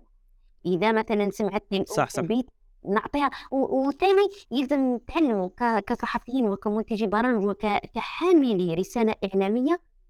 أول حاجة أول حاجة لازم كل واحد في مكانه يلزم يقتنع إنه عنده رسالة في هذه الدنيا عنده رسالة. وفي هذا الإطار يعني آه آه، اسمحوا لي فقط نفتح قوس. آه سمعتها قصة خطره قصة وأثرت فيه وعجبتني بزاف بزاف. يعني باش نعرفوا إنه كل واحد مسؤول عن الحيز اللي راهو فيه. قال لك في قديم الزمان يعني في شاطئ من الشواطئ هكذا كانت عجوزة ماشيه على الشاطئ وكان البحر يرمي يرمي السلاحف اللي تغطي ولا الفكار يعني يرميهم آه، سكاريني إيه التعريف يرميهم على على الشاطئ. ترفد هنا ترفد بالكمشه تاع هذوك السلاحف اللي تغطي وتحاول ترجعهم للماء. فات واحد الراجل مثلا قالها قالها يا- يعني يا سيدتي قالها واش راكي تعملي ما جد وما تعملينه. قالها يعني ما جد وما تقومين به. والبحر يرمي بالملايين. بالالاف تاع تاع اللي تغطي قالت له أنا مسؤولة على الحيز الذي أنا فيه. أنا مسؤولة على هذا الفطارين اللي قدامي. صح. هي فعلا صح. كل كل واحد لازم يتعلم إنه آه عنده رسالة. ما يكونش كل واحد يقول أنا خاطيني مثلا التعليم ولا خاطيني الصحافة ولا لأنه خاصة إذا نتكلموا على الصحافة اليوم انا كلنا مسؤولين كلنا مسؤولين على كل كلمة ننشرها على الفيسبوك على كل آه، فيديو ننشره على الفيسبوك على كل حاجة نشاركوها مع أصدقائنا. يلزم الواحد يتحرى الصدق. صح الناس راهي تتبع الإذاعة وتتبع التلفزيون لأنه آه الحمد لله مازال آه محافظين نتكلم عن الإذاعة مازال محافظة على المصداقية. نتحرى دائما المصداقية في نقل الخبر يعني نحاولوا دائما تفادي آه، تلك ال- الأخبار المغلوطة واللي فاك نيوز وما شابه. لكن آه، اليوم أصبحنا لأن اليوم آه، الكل أصبح صحفي الكل أصبح ينقل يعني المعلومه وينقل الحدث من مكانه. يعني ربما شفتوا مؤخرا لا فيديو اللي دارت يعني وحتى تحركت من أجلها يعني السلطات العمومية في ال- في الجزائر. المواطن آه، بفعل مدني وفعل تحضري صور هذاك الشخص يعني اللي كان في حالة غضب وجر معاه الشرطي شرطي. آه، إيه يعني إيه. بالعمل التحضيري تاعو تاعو والعمل وهنا هنا تدخل يدخل فعل المواطنة المواطنة مم. إنه يشارك في بناء المجتمع بأي طريقة. مم. يشارك في بناء المجتمع. أو على الأقل واحد يدير اللي عليه. يعطيك صح هو صور بهذاك بهذاك الفعل آه، تفادينا تفادينا يعني آه، جريمة وال- والحمد لله. تفادينا. جريمة أو حادث قتل والحمد لله. وإن شاء الله حتى المواطن هذاك يرجع لعقله وياخذ جزاه يعني. وإن شاء الله نتمنى انه يكون مواطن صالح. إن شاء الله. أستاذ قبل ما نفوتوا ال- ال- المشكل الأخبار الكاذبة اللي راكي كنت تحكي لنا عليها كان عندي سؤال ولا ولكن ولا يعني موضوع خفيف هكذا حبيتك تعطينا عليه نظره ه- كل هذه ال- الأمور اللي عطيتيها لنا أستاذة راها خبرة يعني 15 عام تقريبا أو أكثر تقدري تقولي لو نبدأها من من مراسلتك في بس هي 20 عام أنك أنت لازم تتحرى الخبر لازم تعرف آه، ال- الضيف اللي راك تجيبه لازم تعرف تحاور لازم كما قلتي كرة الثلج لازم تكبر. يا حبذا وهي هكذا يعني بحكم أني في في ميدان التعليم خصوصا ميدان التعليم في الجامعة على بالي بلي هذا هم الناس اللي عندهم الخبرة. إحنا يعني تقييم الجامعات اليوم آه، في في في في, الدول الأوروبية آه، فيه واحد ال- النقطة يعني كاينة نقطة تعطى للجامعات عن الناس اللي راهم في العمل في الشركات. كما انت مثلا في الإذاعة اللي يدرسوا في الجامعة. فهذه الخبرة تاعك مهمة أنه اليوم نعطيوها للناس راها في إطار التكوين. ولكن هذه اليوم راها ما تصلش يعني لا يا حبذا لو كان يعني المتخرج من اليوم الأول يكون يعرف المعلومات اللي راها عندك. آه نظن بلي أنه التكوين حاليا ما يمدش كل هذه المعلومات كل هذه زبدة الخبرات اللي راها عندك تمديها لل- للآخر. هل هل اليوم سؤالي بنكون آه، يعني مباشر في السؤال هل اليوم الناس اللي راها آه، في, في الإذاعة آه، تدرس في الجامعات وتدرس في, في التكوين أم لا؟ آه non. يعني pas tellement ما كانش آه، نعطيك مثال مثلا مثلا أنا كي كملت ال- ناقشت رسالة الدكتوراه ما فيش هذاك التعاون إنه مثلا ما بين الجامعة وال- والاذاعه ما فيش. ما فيش إنه الاذاعه آه، تساهم بخبراتها الميدانية في الجامعة. الجامعة يتكلم مؤخرا إنه انفتاح الجامعة على المؤسسات وعلى النسق الاجتماعي. لكن تبقى هذه الثغرات وأنت طرحت سؤال آه، مهم وجدي جدا جدا. يعني إنه ما فيش هذا الانفتاح آه، حتى في مؤسسات أخرى حتى في مؤسسات أخرى في مجال البحث وغيره لا هذه واضح لأنه حتى الشركات الجزائرية ماهيش متعودة أنها تتواصل مع الجامعة والناس اللي راها في في صح ما كانش ما كانش احتضان صح إيه. في البحث؟ يعطيك صح ما كانش نعطيك مثال حتى أنا كي درست في الجامعة يعني بحكم إنه بحثت بحثت بنفسي درست في إطار ساعات إضافية لكن خارج إطار الاذاعه يعني أو خارج. إطار الصحافة. درست أمور أخرى آه، تخص أخلاقية المهنة فقط يعني آه، للأمانة فقط. درست آه، مقياس آه، اخلاقيه المهنة أفادتني كثيرا آه، تجربتي في مم. كانت إسقاطات آه، عملية وميدانية يعني كنت نقدرها مم. كنت نتكلم على آه، نبدا بنفسي يعني كنت آه، كنت نشوف العمل الإذاعي كيفاش يتم ون- وندير هذيك الإسقاطات في ال- في المقياس. آه، بقات مقاييس أخرى هذا التعاون ما- فيش يعني آه، تبقى فقط يعني فيه آه، يعني فيه بعض الصحفيين وبعض منتجي آه، البرامج سواء في الاذاعه أو في التلفزيون اللي متحصلين على شهادات عليا لكن يدرسوا آه، هكذا في إطار ساعات إضافية. ما فيش هذاك إنه ال- الجامعة تحاول تستفاد من هذا الزخم يعني من هذا هذه التجارب الميدانية. ما فيش. تبقى دائما قليلة قليلة يعني. واللي هي هي الخبرات أصلا في حد ذاتها من المفروض هي اللي ترجع كما حنايا. آه، في في البحث كيفاش البحث العلمي؟ البحث العلمي هو أشياء يبحث عنها ويجدها الإنسان ويدخلوها كعلم. يعني حتى الخبرة لما الإنسان تكون عنده خبرة من المفروض هذاك الخبرة ترجع علم لأنه إذا تكررت وشافها الإنسان آم، عده عده عدة مرات لازم لازم نعاودوا نرجعوها باش نمشوا الموضوع مهم جدا جدا جدا اللي ذكرتيه هنا هو الأخبار الكاذبة. إحنا كنا ناقشنا في حلقة أخرى الأخبار الكاذبة آه، كيفاش آه، كيفاش نعالجوها من الجانب التقني يعني من الجانب من الجانب ال ال يعني الإعلام الآلي. من ناحية الإذاعة أنتم كيفاش تتعاملوا مع الأخبار الكاذبة؟ كيفاش تتحققوا اليوم يعني مع زخم الأخبار. وكما كنت تقولي لي راه كل إنسان اليوم راه صحفي تقريبا ولا نقدروا نقولوا صحفي صغير في يعني آه، في الشبكات الاجتماعية ولا في الشارع ولا في كيفاش الصحفي اليوم اللي هو مهنته الصحافة يتعامل مع الأخبار الكاذبه أو يتحقق من الأخبار الكاذبه علما أنه مرات الوصول إلى المعلومة ما يكونش سهل؟ صح. هو يعني في فيما يخص الأخبار الكاذبة هذه أو الك- الأخبار المغلوطة أو ذات المصادر المجهولة الإذاعة أول شيء عندها خط افتتاحي معين. أن الإذاعة كذلك أول مصدر تستقي منه أخبارها هو ال- الوكالة الجزائرية للأنباء. وكالة وكالة الأنباء الجزائرية لا لا بيس هذا لأنه هو يعتبر المصدر الأول لكل خبر في الجزائر. هذه الحاجة الأولى لأنه أي حاجة مثلا رسمية تصدر أول أول شيء في في تبدأ. يعني الصحفي في الإذاعة يبدأ يطلع على على وكالة الأنباء الجزائرية ويطلع كذلك على ال- الأخبار آه، سواء الدولية أو العربية في الوكالات المعتمدة هذه الحاجة الأولى. بقات كي تكون مثلا أخبار اجتماعية أخبار دائما الاتصال بالمصدر المخول آه، له التعليق على تلك الحادثة أو آه، أي شيء. آه، في أي شيء مثلا نعطيك مثال يسمع بحادث مرور لا قدر الله. يسمع بحادث مرور. ال- ال- المؤسسة الأولى التي يتم التواصل معها هي مؤسسة الحماية المدنية. يعني مهما يكون المواطنين عندهم أخبار ومهما تجيهم تجيهم مثلا دي فيديو ولا لأنه يلحقوا الاذاعه دي فيديو فيهم حاجات لكن دائما نروحوا لل- للمصدر المخول. دائما نسقطوا المصدر المخول. باقي مثلا في البرامج كي نسمعوا أخبار هكذا متداولة في الشارع لأنه آه، خاصة آه، يعني الآن مع مع شبكات التواصل الاجتماعي أصبح فيه أخبار كثيرة ووتيره عالية يعني أصبح خبر من بعد شوية خبر في نفس مثلا في نفس المجال. الحاجة الأولى إنه ندخلوا على آه، صفحة المؤسسة المعنية أو ال- الناتيتال يعني أو ال- آه، الوصيه سواء وزارة أو مديرية عامة أو أي شيء. ندخلوا على الص- الصفحة. إذا ما شفناش الخبر هذا نحاولوا نتصلوا بالمسؤولين في هذاك المجال. إذا ما كانش نحاولوا دائما نبحثوا على يعني الخبراء في نفس المجال. نعطيك مثال.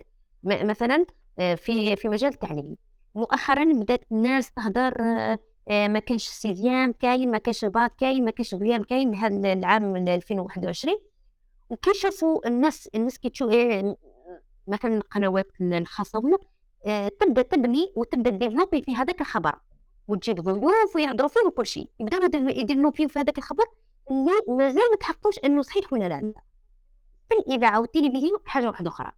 حتى كون نديفلوبيو هذاك الخبر لكن من زاوية أخرى إنه نجيبوا الناس اللي آه، سواء تثبت هذاك الخبر أو تنفيه وتعطي الخبر الصحيح.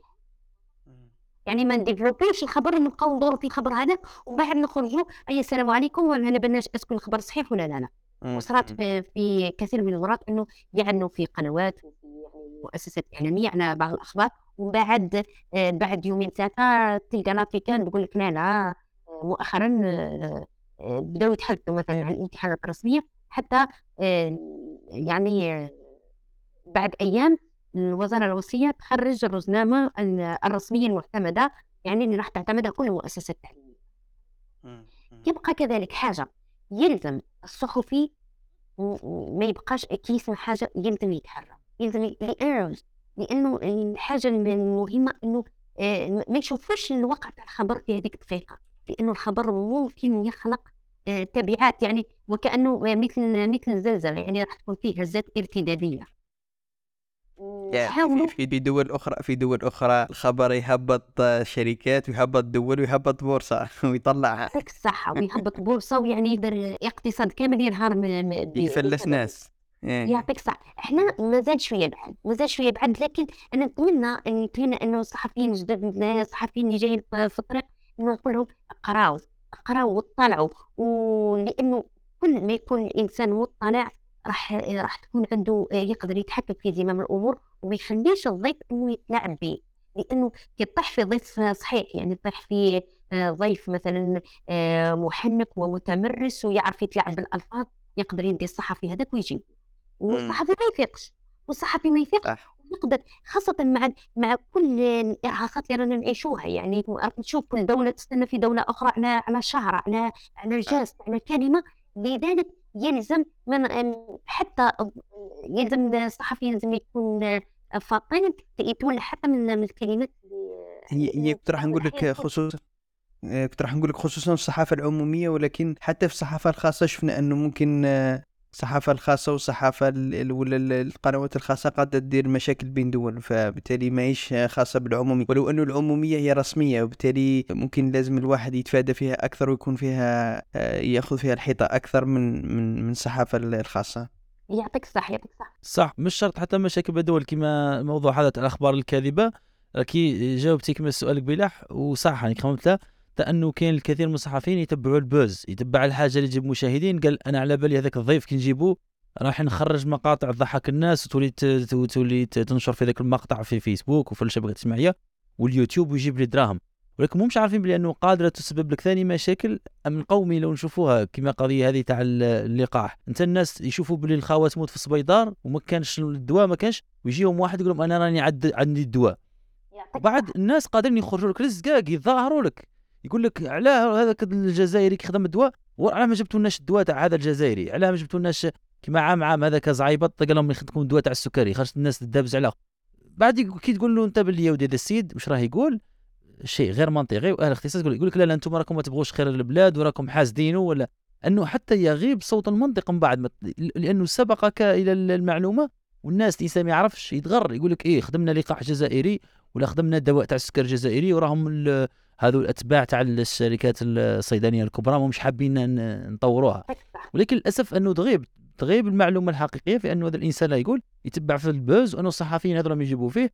راهم ثاني حابين حابين البوز ما مش حابين يحكوا المعلومة محققه وفعلا لأنه وهنا نعاودوا نرجعوا دائما لدور الإعلام. دور الإعلام أنه نخلي نخلي المستمع يكون مثقف آه، آه، يكون مطلع. ما نخليش ال- المستمع اللي اللي يبلع كل شيء اللي يستقبل كل شيء. يلزم نخليه عنده تفكير واعي حتى كي يتلقى المعلومة وعلاش هذه المعلومة؟ آه مثلا آه، الناس سمعت بأدوية وسمعوا بدي شغلاط هكذا بداو يديروا في الآخر، وبعد يقول أنا أنا صرات خطرة كنت نقدم في في يعني في فترة الصيف كنت آه، قدمت صباح الخير في فترة الصيف يعني بعد بعد ما الكونفينمون عاودت الالتحق بالعمل لأنه كنت نعمل من البيت من بعد التحقت بالعمل في فترة آه، جويلية على ما جويلية وكان كنا كان آه، نطرح أسئلة على آه، على الفيسبوك والمستمعين والمتتبعين يجاوبوا عليها.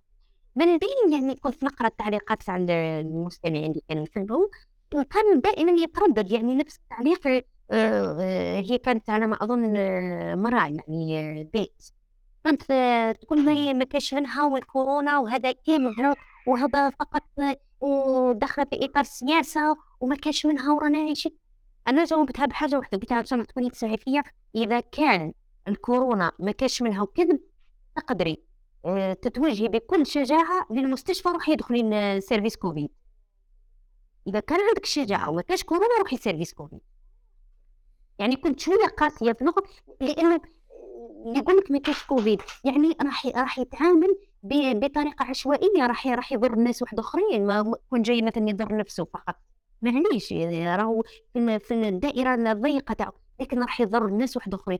لذلك هنا دائما نعاود نذكر دور الإعلام دور الإعلام. ماشي نسمع حاجة نروح آه، دارت دارت البوز هنا ثاني دور الإعلام إنه نعلم المجتمع وحتى المؤسسات التعليمية وغيرها. نعلم المجتمع ونعلم أفراد المجتمع إنه يعرف ينتقي يعرف يخير. كيما كانوا يدخلوا السوق كان كلش قدام. ولا يعني الخضر والفواكه هذا سوق المعلومة. إيه. ومن بعد انت تدي واش وانت تدي واش يساعدك. تشوف واحد مثلا من هي في الجلبانة أنت ما تاكلش الجلب- الجلبانة ما تديهاش. أنت تدي ما على باليش أنا تدي قرنوط أنا صح ما ناكلش الجلبان بس أنت انت ما وليدي ما تاكلش الجلبانة. والله ما ناكل والله ما ناكلها بالك تحطها لي نعود راح نموت بالشر. تحطها لي نقول لك لا لا نموت خير. نكره على وليدي ثاني آه، يقول لي الجلبانه م- من بين من من ممنوعات الجلبانه يعني نعاودوا دائما إنه لازم تكون عندنا مسؤولية ذاتية وواعية إنه نعرفوا واش نخيروا كما نعرفوا نخيروا واش ناكلوا لازم نخيروا واش نسمعوا ونخيروا واش واش نقراو ونخير ماشي؟ آه هات برك. دوكا كل شيء محلول كل شيء مفتوح عندنا الفيسبوك الإنستغرام لازم نستقبل كل شيء نو لازم نخيروا وهذا دورنا كامل.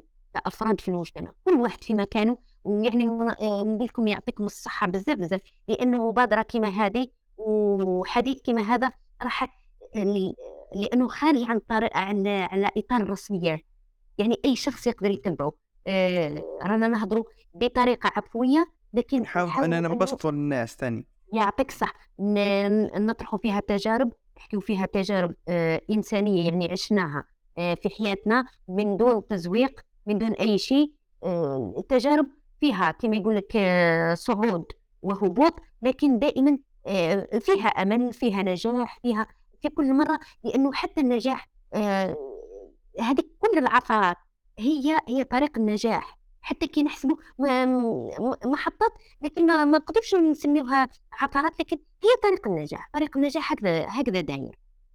صح في في بعض الأحيان نفقد الأمل ندخل خلاص و- آه، حتى لو ولو الواحد يكون يعني في في يعني في منصب عمل ولا ولا تحصل على على درجات عليا وبعد تبان له حاجات أخرى يقول لك خلاص نفقد الأمل لكن في كل في كل مرة آه، مازال الحياة متوسط وما زالنا ما زلنا ن- حتى حتى يعني أزمة كورونا أعطتنا دروس كثيرة أعطتنا دروس كثيرة آه، نتمنى أن نتعلموا منها. أستاذ كان عندي سؤال فيما يخص الصحافة ال- الكلاسيكية بالصحافة الرقمية بما أنك عشتي ال ال- ال- يعني ال ال الوقت اللي كانت فيه صحافة كلاسيكية يعني كما كنا نحكوا قبيل كنت مراسلة وبعدين عملتي في صحافة في آه، إذاعة سوق هراس وهذاك الوقت كان الوسائل اللي كانت نقدر نقول وسائل كلاسيكية اللي هي الوسائل آه، مش عارف كيف نقولوا أنالوجيك بالعربية ولكن هي ال- اللي كانت طاغية وما كانش كاين وسائل تواصل اجتماعي الصور كان الواحد باش يدي صورة يلزمو تكون عنده كاميرا والكاميرا آه، مش أي واحد عنده آه، وبعدين انتقلنا للصحافة الرقمية. تقدري تقولي ابتداء كما كنتي تقولي قبل من 2009 2010 حتى ال- اليوم 2000 و 2021 هذا الانتقال آه، ما هو تأثيره على الصحفي وعلى المؤسسة الصحفية الإذاعة ولا التلفزيون ولا الصحافة المكتوبة؟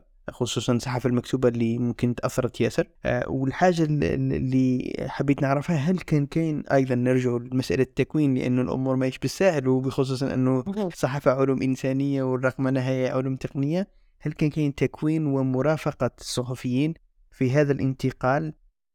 ولو أنه هذا الانتقال راه صعب حتى للشركات فبالتالي ممكن يكون صعب أيضا للصحافة. هل هذا التكوين كان كاين؟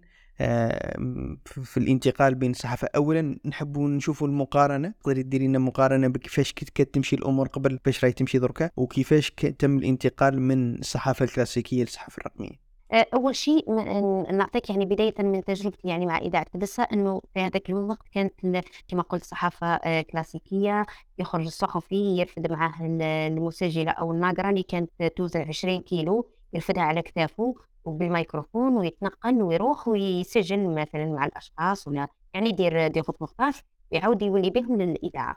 وكان يعني آه، حالها حال الإذاعة المركزية هنا في ال- في العاصمة إنه كان من بعد يتم نقل هذيك ال- المسجلة آه، déjà هي تمشي بال- بال bande magnétique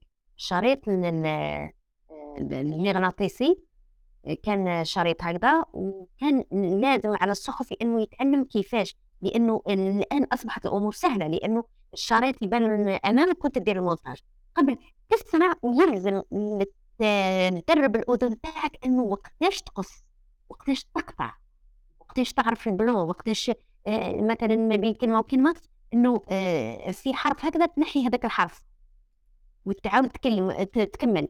كانت يعني الأمور صعبه ومع ذلك كانوا الصحفيين متمكنين يعني كل الصحفيين والتقنيين يعرفوا المونتاج ويديروا المونتاج هي هي كي تحكي لنا كيما هاك نقول للزبير لو كان ما جاتش عندنا ال- التقنية اليوم وقيل ما نديروش كاكوز راه بودكاست لأنه لو كان تو- تولى في وذنك وت- وتعافر كيما هكذا آه. أنسى. بصح والله لا لا والله غير كانت كانت متعه يعني آه أنا كنت كمراسلة وعلموني يعني زملاء في اذاعه بس كنت ن- ندير المونتاج كانت متعة كبيرة إنه كيفاش آه تقصوا بعد تلصق كاين كاين واحد الشريط أصفر اسمه l'amorce آه تلصقوا كي تحب دير un petit blanc ولا لأنه حتى كانت ال- الأغاني والحصص كانت مثلا تاع 60 دقيقه آه يعني آه هكذا كي تشوفوا الاسطوانات كبيرة ويحطوها في ال- ال magnéto هذا. ال magnéto اللي يقرأ ال- آه، la bande magnétique. من بعد بدأت الرقمنة.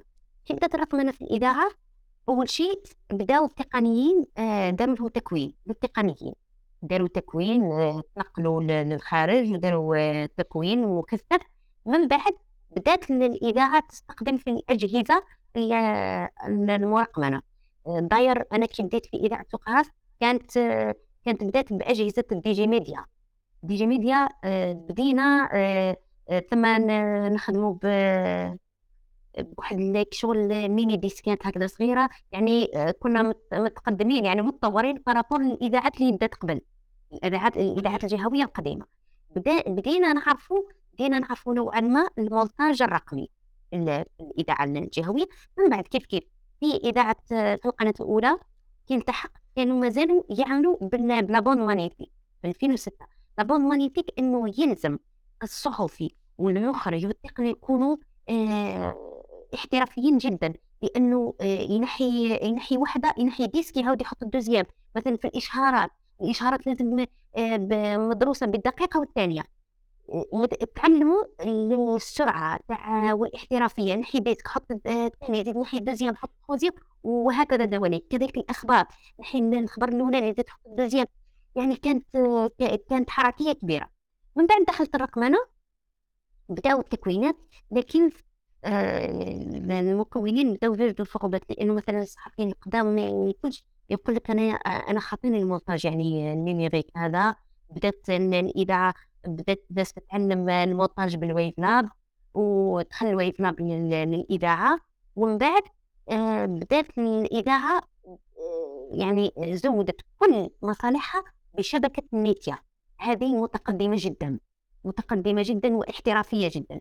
وداروا يعني داروا تكوينات للصحفيين للمخرجين لمنتجي البرامج للمنشطين إنهم يتعاملوا بهذه التقنية وهذه الشبكة. هذا الريزو اللي راهو متواجد على مستوى الاذاعه المركزية آه، لأنه فيه فيه كثير من المزايا يعني فيه كثير من المزايا.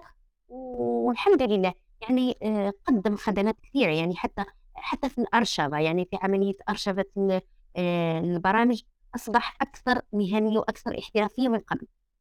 يعني كل عمل ما تخافش عليه يضيع. راهو راهو في هذا في هذه الشبكه آه، بقى التكوين هكذا ومازال يعني آه، يبقى الصحفي ولا منتج البرامج يبقى دائما محتاج لتكوين متواصل.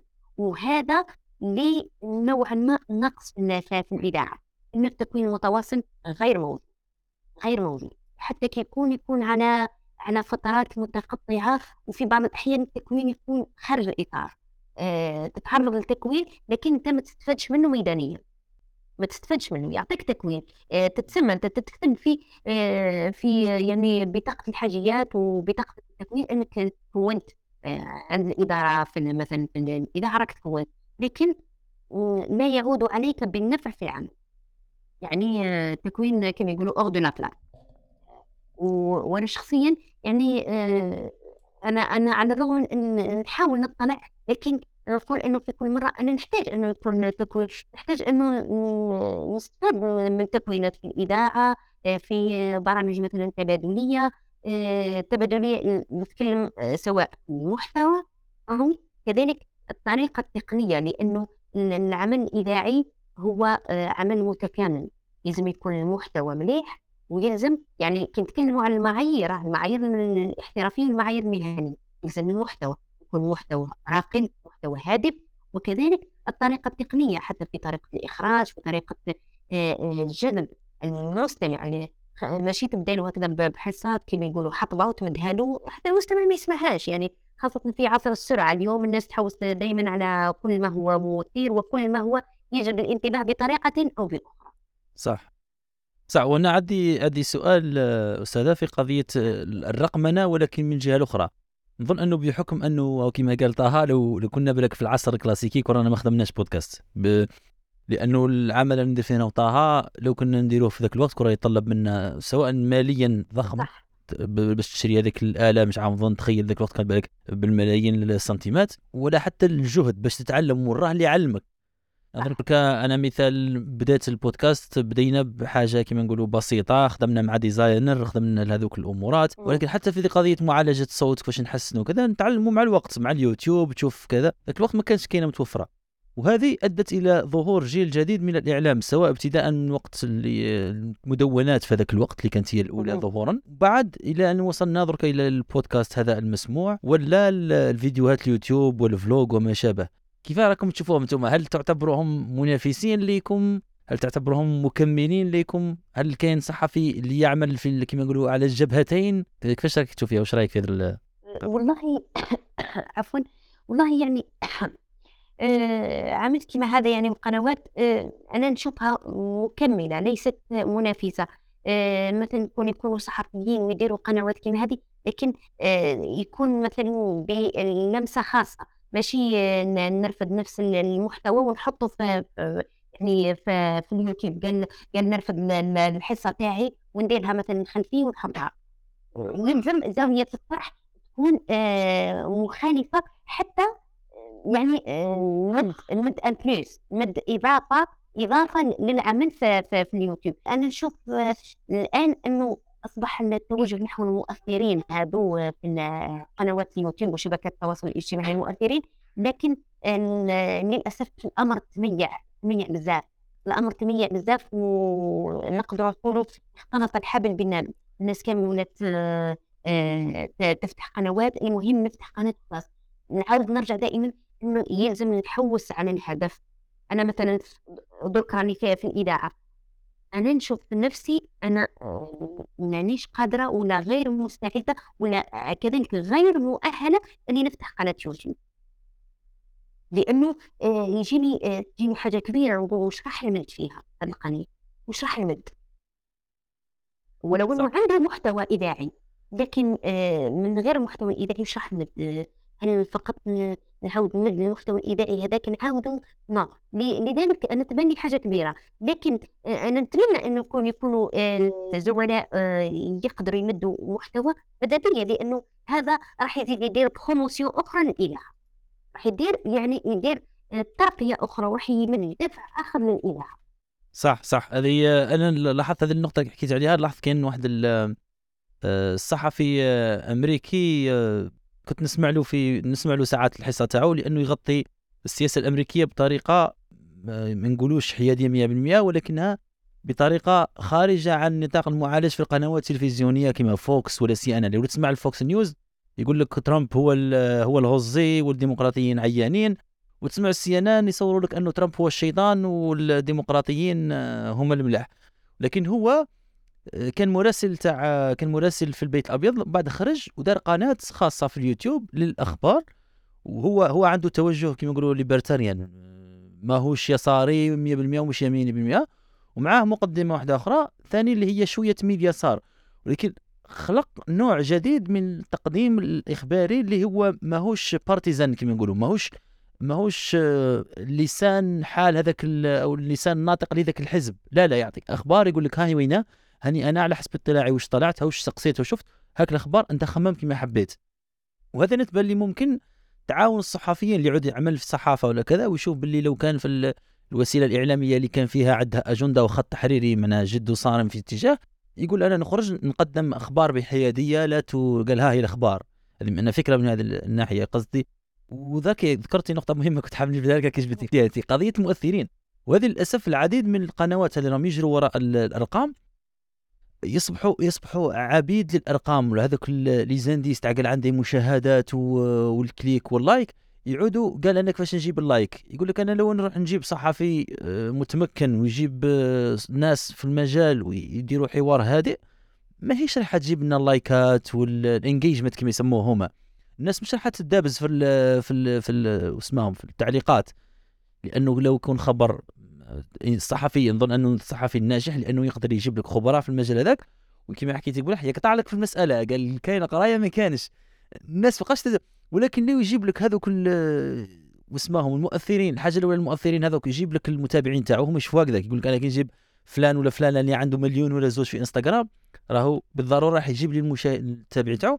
ولو لم يكن حتى ذاك المؤثر ما عنده المؤثر هذاك ما عندوش بالك كاع إمكانية. أثبتت الحكاية هو أن المؤثرين معظمهم ما يكونوش ذو علم وذو تمكن وتخصص. بير معظمهم يعني تقريبا. معظمهم ماهوش حتى مش حتى متخصص في هذاك في التقديم. معنى لو تجيب واحد قال معروف في إنه يدير حصة في يوتيوب ويقدم ويحاور. ممكن تقول له عنده خبرة. يجيب لك والو واحد يدير فيديوهات تاع ضحك ولا واحدة تدير آه، دير تاع ديكور. ولا طبخ ويقول لها قدمي لي حصة حوارية ولا حاجة سياسية ولا حاجة ما كانش هذا ما عندوش المادة ما عندوش ال- العلم وما عندوش حتى الوسائل باش أنه يقدر يحاور هذوك الضيوف ولا يعرفهم لأنه باش تقدر حتى تطرح السؤال يقول لك السؤال نصف الجواب السؤال هذاك اللي في الصميم وحده راه باش تطرح السؤال ال- هذا ال relevant للموضوع تاعك لازم عندك اطلاع على ذاك ال- المجال إيه. والمشكل إنه آه، مثلا مؤسسات إعلامية أو يعني شيء من هذا القبيل يحاولوا إنهم يستقطبوا من مثل هذه المؤثرين آه، بالعكس راح يكون سبب نهايتهم يعني لأنه آه، هو يحوس على على ال buzz ويحوس على les vues يقول لك يعني نعاود بهذا. لأنه ماشي كل حاجة قال مثلا شجرة آه، شفتها نابتة في بلاصه وتجيب بزاف. تبقى الحوض البيت تموت ما تجيش. لأنه غير أرضيتها. لذلك آه، في كل مرة لازم آه، نحاولوا ننظروا لبعيد. كاين كاين مثلا مؤسسات إعلامية حاولت تستعين ببعض المؤثرين. وكأنها سقطت في الماء يعني كما يقولوا سقطت في الماء. يعني بالعكس زاد زاد عززت فشلها أكثر فأكثر.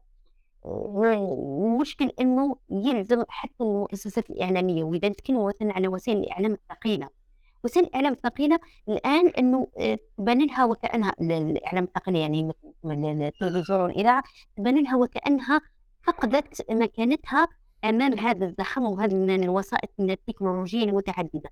لكن بالعكس لأنه إذا آه، نحاولوا باش نمشيو وحنا ونتبعوا القنوات الأخرى الخفيفة والأخرى ومن بعد آه، يصرى لنا كيما حكاية النغراب والحمامة نجو النغراب حب آه، يعني يقلد مشية تلف مشيته. لذلك إيه.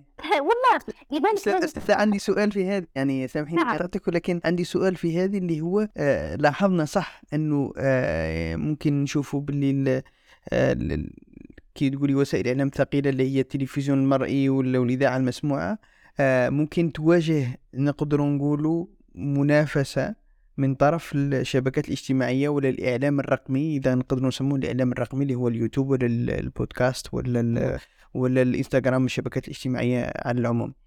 آه، علاش؟ ما هو السبب اللي خلى الإذاعة؟ أنا نعرف باللي مثلا الإذاعة مستمرة يعني تقريبا الإذاعة لم تتأثر كثيرا نقدر نقول تأثرت ولكن لم تتأثر كثيرا بال بال بالزخم الإعلامي الرقمي لأسباب عدة حابين نعرفوها. ولو أنه راح الإنسان اللي يسمع يقول باللي أستاذة كانت تقولنا باللي عندها عندها يعني تقريبا بضع دقائق كانت تقولنا باللي آه، هاني ما على باليش حرا واحد يسمع فيا البارح وما على باليش حرا واحد في يسمع فيا اليوم يعني ما نقدروش نعطوا أرقام ولكن على بالي باللي كاين ناس وكاين آه كما يقولوا نقدروا نقولوا باللي الإذاعة مازال عندها صيتها أو مازال الناس تسمعها. مم. ممكن بحكم التنقل ممكن بحكم أشياء أخرى حبينا نعرفوا من عندك انت أهل الاختصاص لماذا الإذاعة مازال شادة روحها نقول آه، أول شيء الإذاعة علاش آه، بقات شادة مكانها؟ لأنه الإذاعة مثلا عكس التلفزيون وأنت آه، قلتها قبل قليل أنه الإذاعة تقدر تسمعها في السيارة تسمعها في الآن يعني تسمعها من خلال التليفون تسمعها في أي مكان. عكس التلفزيون يلزم لك مكان ويلزم لك آه، هوائي أو آه، بارابول وغيره. يعني باش تشوف أو, أو الآن يعني حتى باش تشوف الآن أصبح التلفزيون متاح عبر ال- الإنترنت. لكن الإذاعة عندها ميزة أنها آه، تمشي معك وين ما تكون. هذه حاجة. الحاجة الثانية والمهمة أنه يلزم آه، آه، أصحاب القرار ولا العامل في الإذاعة ولا في التلفزيون آه، إنه ما يدخلش في هذيك الدائرة المفرغة لو سيركل فيسيو هذاك إنه راهو يتنافس مع قنوات أخرى ولا مؤسسات إعلامية أخرى. لأن ما نحطش روحي معاهم. أنا عندي عندي التوجه تاعي وعندي الأصالة تاعي وعندي الجذور تاعي. ما يلزمش نقارن روحي بال- آه، بيهم. كيما مثلا تحط مثلا آه، قال تحط الفكرون وتحط ال- الأرنب ونقول له آه، لازم نقارنوا ما بيناتهم بسرعة نو. كل واحد يمشي على على حسبه صح. فيه فيه تطور. في- ن- ن- نتماشاو يعني نواكبوا التطور لكن نبقاو دائما نحافظوا على الأصل. لأنه مهما كان مهما كان الإنسان يدور يدور يعاود يرجع للأصل. مهما كان. آه، في أي حاجة. حتى حتى ال- الآن مع التوجه لهذا الشبابي والغنى الخفيف والغنى ال- اللي ما, ما عندوش معنى والكلمات هكذا لكن دائما نلقاو هذيك نلقاو هذاك الاستثناء سواء عند الشباب ولا حتى عند الناس. الكبار نقول لك أنا نحب نوصل على كذا الحاجة الأصيلة لأنه دائما الأصل يبقى اصلي أنا أنا نقول حاجة بحكم انتمائي للاذاعه إنه آه، نحن كصحفيين وكمنتجي آه، برامج آه، مكانه الاذاعه ما زالها.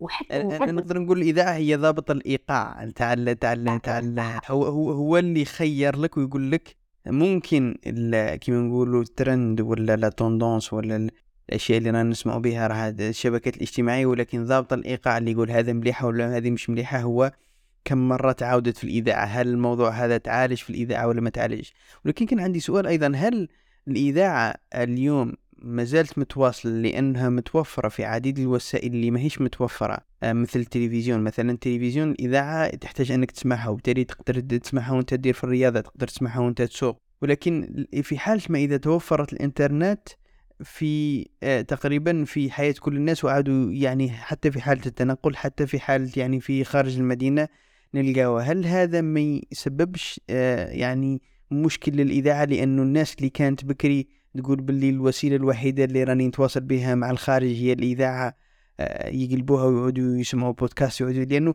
نظن باللي الإذاعة آه، بقات ليومنا هذا لأنه الإذاعة توصل لك أكثر من أي وسيلة أخرى. هي ال- الإذاعة كما كما قلت لك دكتور طه ما ما زالها يعني ولو آه، بدأت آه، الإذاعة بحد ذاتها بدأت تحس نفسها وكأنها مهددة.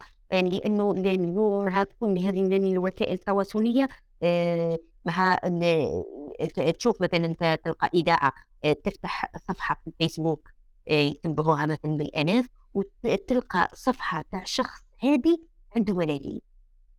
عنده ملايين. هنا إذا تحاول كأنها تتخوف يعني تخاف على روحها تقول لك وأنا كيفاش؟ لكن آه، لازم لازم حتى من الاستفاده من الوسائل يكون باحترافية.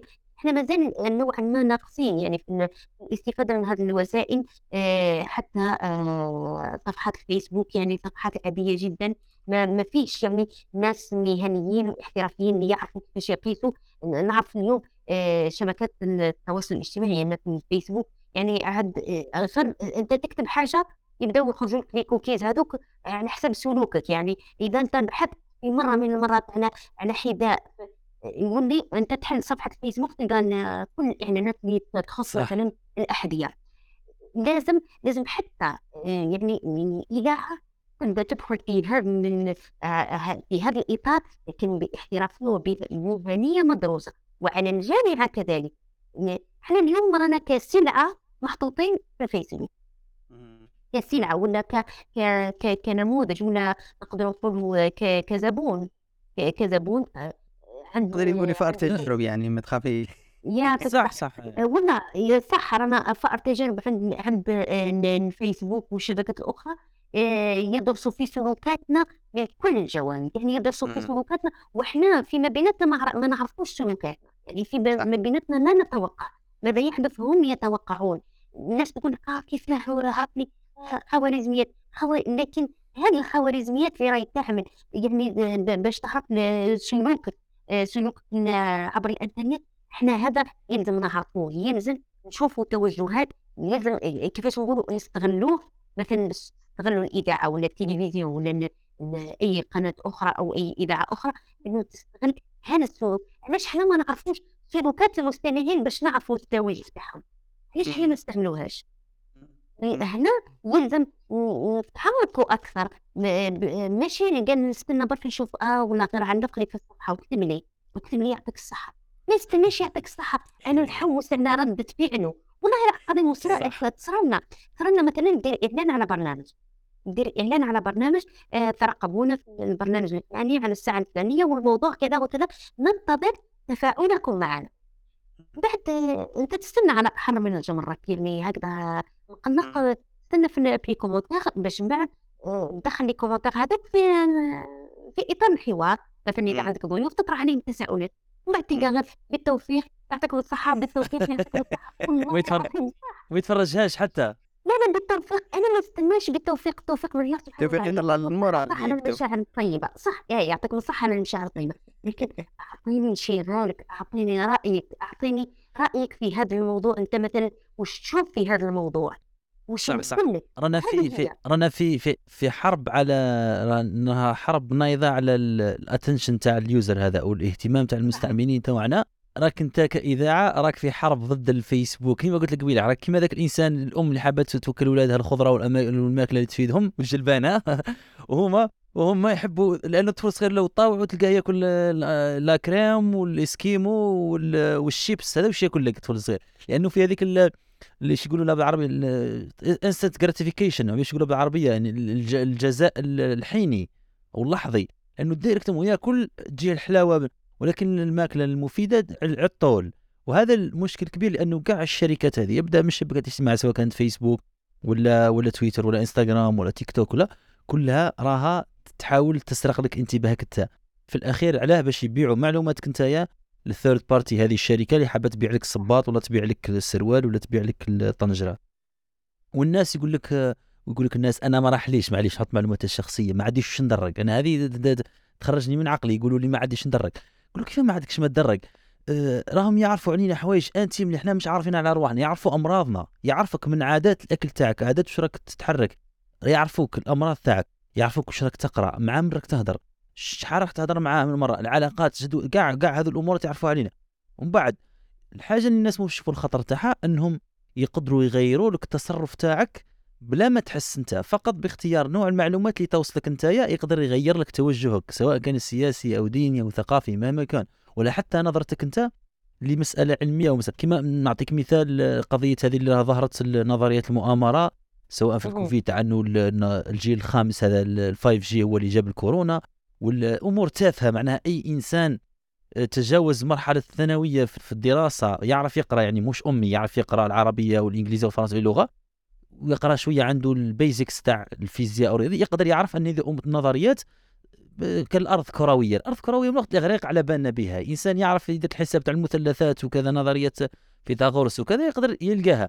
ولكن للأسف ناس مش قاريه ومن بعد لقاو كي شافوا تاع نظريات مؤامرة لقاو بلي نظرية الأرض مسطحة اليوتيوب هو اللي نشرها. علاه؟ لأنه كان يستهدف الناس اللي مساكين مش قاريين بهذه النظريات المؤامرة. والإنسان اللي يعود مش قاري ومش عارف واعر عليه يعيش في عالم يجهله. ما عندوش وسائل باش يكتشف هذاك العالم اللي راه فيه. donc انت كي تجي تشرح له تقول لي باش تفهم مش عارف نعطيك مثال قال ال- الفيزياء الكمومية ولا فيزياء الكم هذه ولا باش تفهمها لازم تبعد قاري 12 عام ولا بصح واعر تقنع انسان تقول لازم تقرأ 12 عام باش تفهمها ولا ولا 10 سنين ولا 4 سنين باش تفهم. يقول لك لا لا أنا نحوس نفهمها بالوسائل اللي عندي. تقول يا ودي كورونا لازمك فيها تفهم بيولوجيا باش تفهم كورونا exactement ولكن هذيك المؤامرة تعطيه fast food وهو جواب آه، أحادي البعد. سهل قال مؤامرة داروها اليهود ولا داروها الصينيين ولا داروها مع بليش في آخر المطاف برك باش هذاك الإنسان يلقى تفسير بسيط يناسبه لتفسير الظواهر المعقدة حوله هذه. المشكل إنه آه، هذا هذا الحديث بناه حتى يعني بناه أشخاص أو أفراد معروفين في المجتمع سواء في المؤسسات الاعلاميه وكذلك حتى في أحاديث جانبية يعني هكذا في آه، أحاديث خارج الإطار الرسمي أو خارج الإطار الإعلامي يقول لك صح راهي مؤامرة راهي هكذا. معليش معليش خليها مؤامرة؟ ماذا قدمنا نحن؟ هاي مؤامرة. ماذا. قدمنا نحن؟ المشكل إنه نبقاو دائما نرميو حمولنا على الناس ما نمدوش وش وش مطلوب منا اي في هذه النقطة تناقشت مع الكثير من الأصدقاء وأنا نلاحظها من سواء من اطلاعي في الم- المعلومات اللي نشوفها والأخبار تلاحظ أنه بقدر ما يكون المجتمع لا يربي الأفراد تاعو على تحمل مسؤولياتهم الشخصية كل ما يميلوا هذوك الأفراد إلى التفسيرات هذه الميتافيزيقية والنظريات المؤامرة. روح شوفها مثال بكل ما ينقص مستوى تعليم الإنسان ومستوى سواء التعليمي مش مش مفهوم آه، قرا في الجامعة مفهوم هو ثقافته كان إنسان ما دخلش بالك حتى الجامعة ولا حتى الثانوية ولكن إنسان تلقاه يقرأ ويطلع يدير مجهود باش يفهم العالم. وكاين ناس عندهم قارين الجامعة ممكن بالك حتى العشر سنين في الجامعة ولكنه إنسان كما نقولوا متعلم فقط يعني مدريسي كما نقولوا كما ذاك الحيوان آه، ماهوش ماهوش متشرب لهذاك العلم ما عندوش ما عندوش منطق تحليلي الظواهر اللي يشوفها قال يا ودي أنا استنى نوخر شوية نشوف عندي ظاهرة ما فهمهاش. نوخر شوية ونفهم نسقسي ونحاول ندير الخلاصة تاعي. هما لا لا هذو الناس باش للتنصل لأنه لا آه، كما ان المجتمع تاعنا يروح ظاهرة هذه الشعوذه وما على باليش والله حتى ذوك الرقات المزيفين. تكثر فين يعود عندك مجتمع لا يتحمل مسؤوليته. لما تروح الإنسان عاود الباك زوج مرات ولا ثلاثة واعره باش انك تقنعه تقول له راك ما ربحتش parce que انت ما تقراش ولا ولا خاطيك القراية. كان الله غالب عباد مساكين. يقول لك زهر ولا. الزهر هي الزهر يلعب فيها دور هو بحكم. الجزائر كيفاش مخدوم هي الزهر يلعب دور. ولكن من الصعب صح الزهر يلعب دور لأنه قادر الإنسان سبحان الله. أنا نعرف عباد أصدقائي يقراو ولكن مساكين في. الظرف هذيك جاهم مرض ولا جاهم ظروف ولا ولا كاين إنسان اللي مسكين. أنا نعرف عباد اللي مساكين في ال... في ال stress ما. ما... ما يعرفش. ولكنه قرا حضر. ولكن لما تصرى له زوج ثلاثة ما يقدرش يحمل روحه المسؤولية بل أنا ما قريتش ما. نجحتش ولا ما لقيتش حاجة نحوس عليها لأني فشلت. ومش ديما فشلت بأنه أنت هو المخطئ. ساعات الله غالب الظروف لم تهيأ.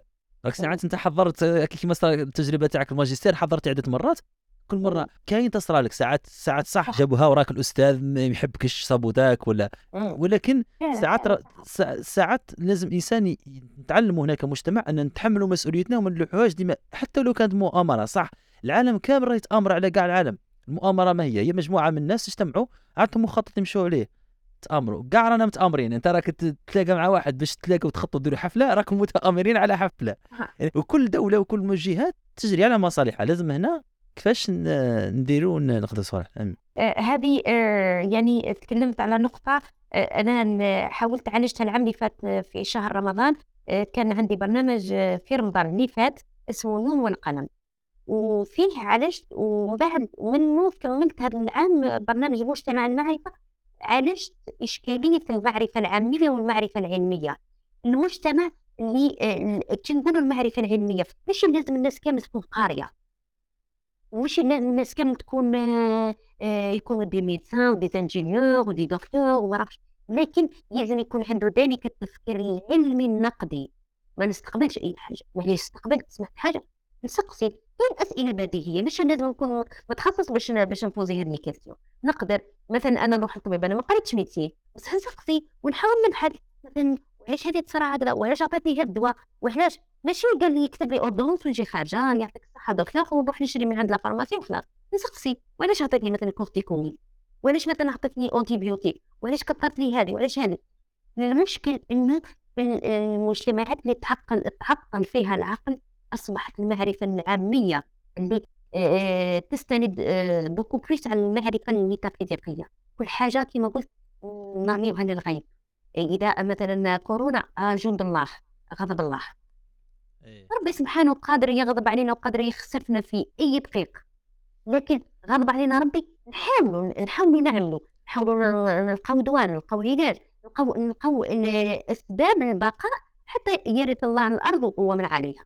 المشكل إنه في كل مرة حتى نتنصل من المسؤولية وقلتها قبل قليل آه، نرمي نرمي كل حالة. آه مثلا واحد دار أكسيدون ما يقولكش السرعة ما يقولكش أنا مشيت في يقول لك الطريق الطريق مهوجه آه طريق ولا ولا لا لا الآخر هو اللي كان السبب دائما إحنا ضربوه بعين ضربوه بعين كروس الشنيهة جديده المشكل المشكل في المجتمعات المتخلفة اللي رانا يعني وإحنا جزء منها يعني نعيشوا فيها إنه نتكلموا دائما بضمير الغائب راهم داروا راهم عملوا ما داروش. عمرنا نقولوا باللي ما درناش وما خدمناش وحنا اللي أخطأنا. وحنا نهار اللي نتكلموا بضمير المتكلم كل واحد يعرف مسؤوليته. وهذه تنطبق على كل المجالات.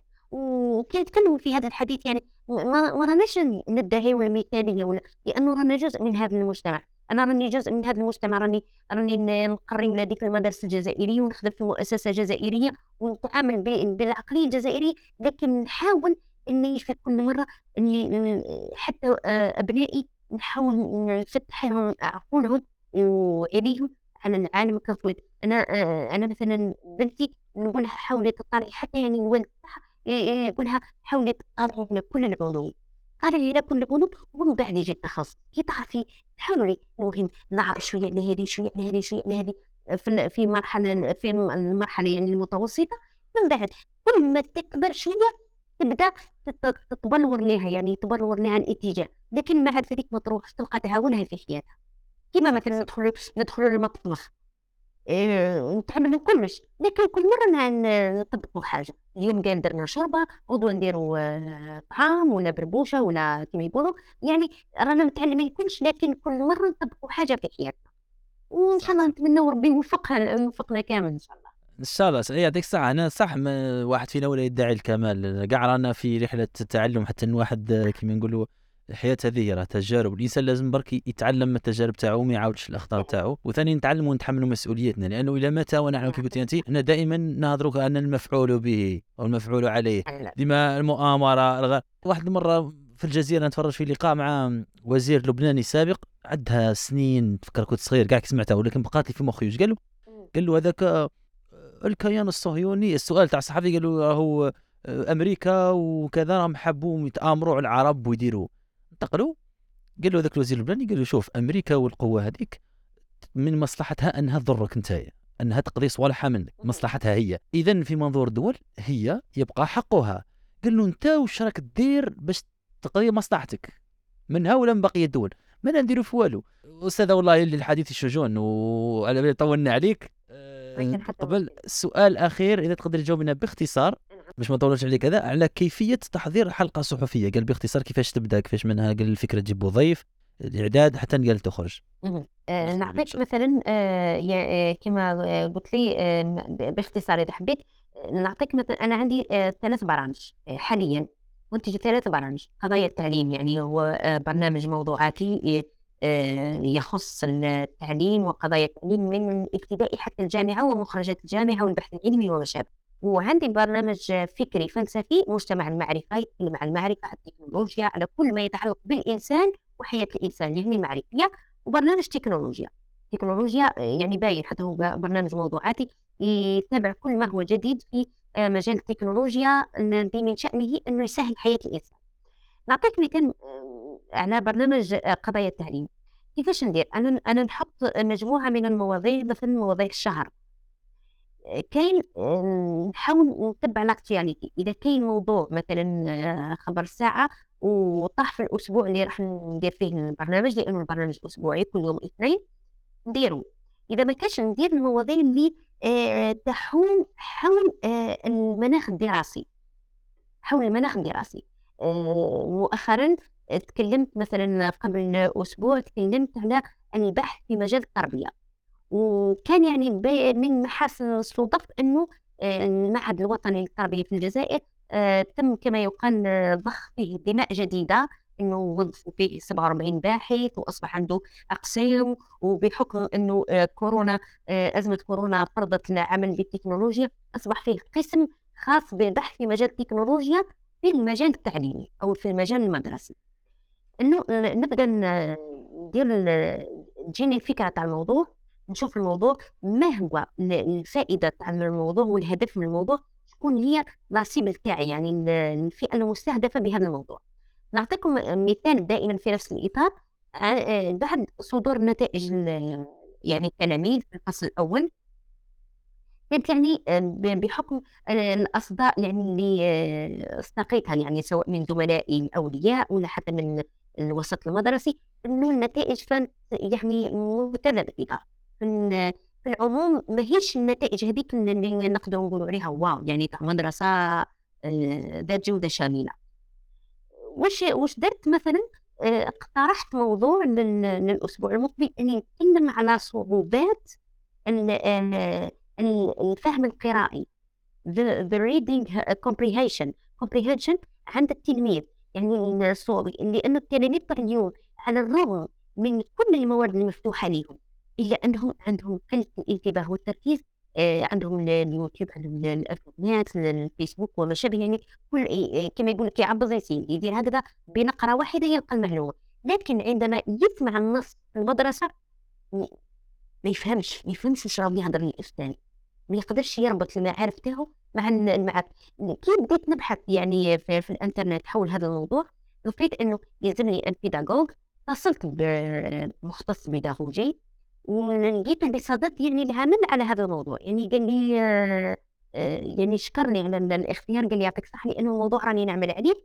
ولازم اتصلت كذلك بمختص في الميدان اللي هو أرطوفوني لازم يكون أرطوفوني باش لأنه أنا في في طرح الإشكالية نطرح الإشكالية ونقول آه، كيف يتم اكتشاف هذه الصعوبات عند التلميذ من يكتشفها ومن يعالجها ويقومها؟ هل الأستاذ الأولياء أو الأسرة ام المختص وشكون هو المختص. هنا راح بطريقة أو بأخرى نفصلوا وراح يكون نحاول انه يكون كذلك تدخل لمعلم أو أستاذ حتى نشوفوا هل الاستاذ يقدر يديتكتي هذه الصعوبات هذه في عند التلاميذ ولا لا يعني راح نشمل آه، عملية التكوين عند الأستاذ نشمل كذلك آه، عملية المتابعة والمرافقة عند الأسرة ونشوفوا هل المختص يكون في الأرطوفوني أم أنه لازم يكون يكون مجالات أخرى مفتوحة لمثل هذا الموضوع.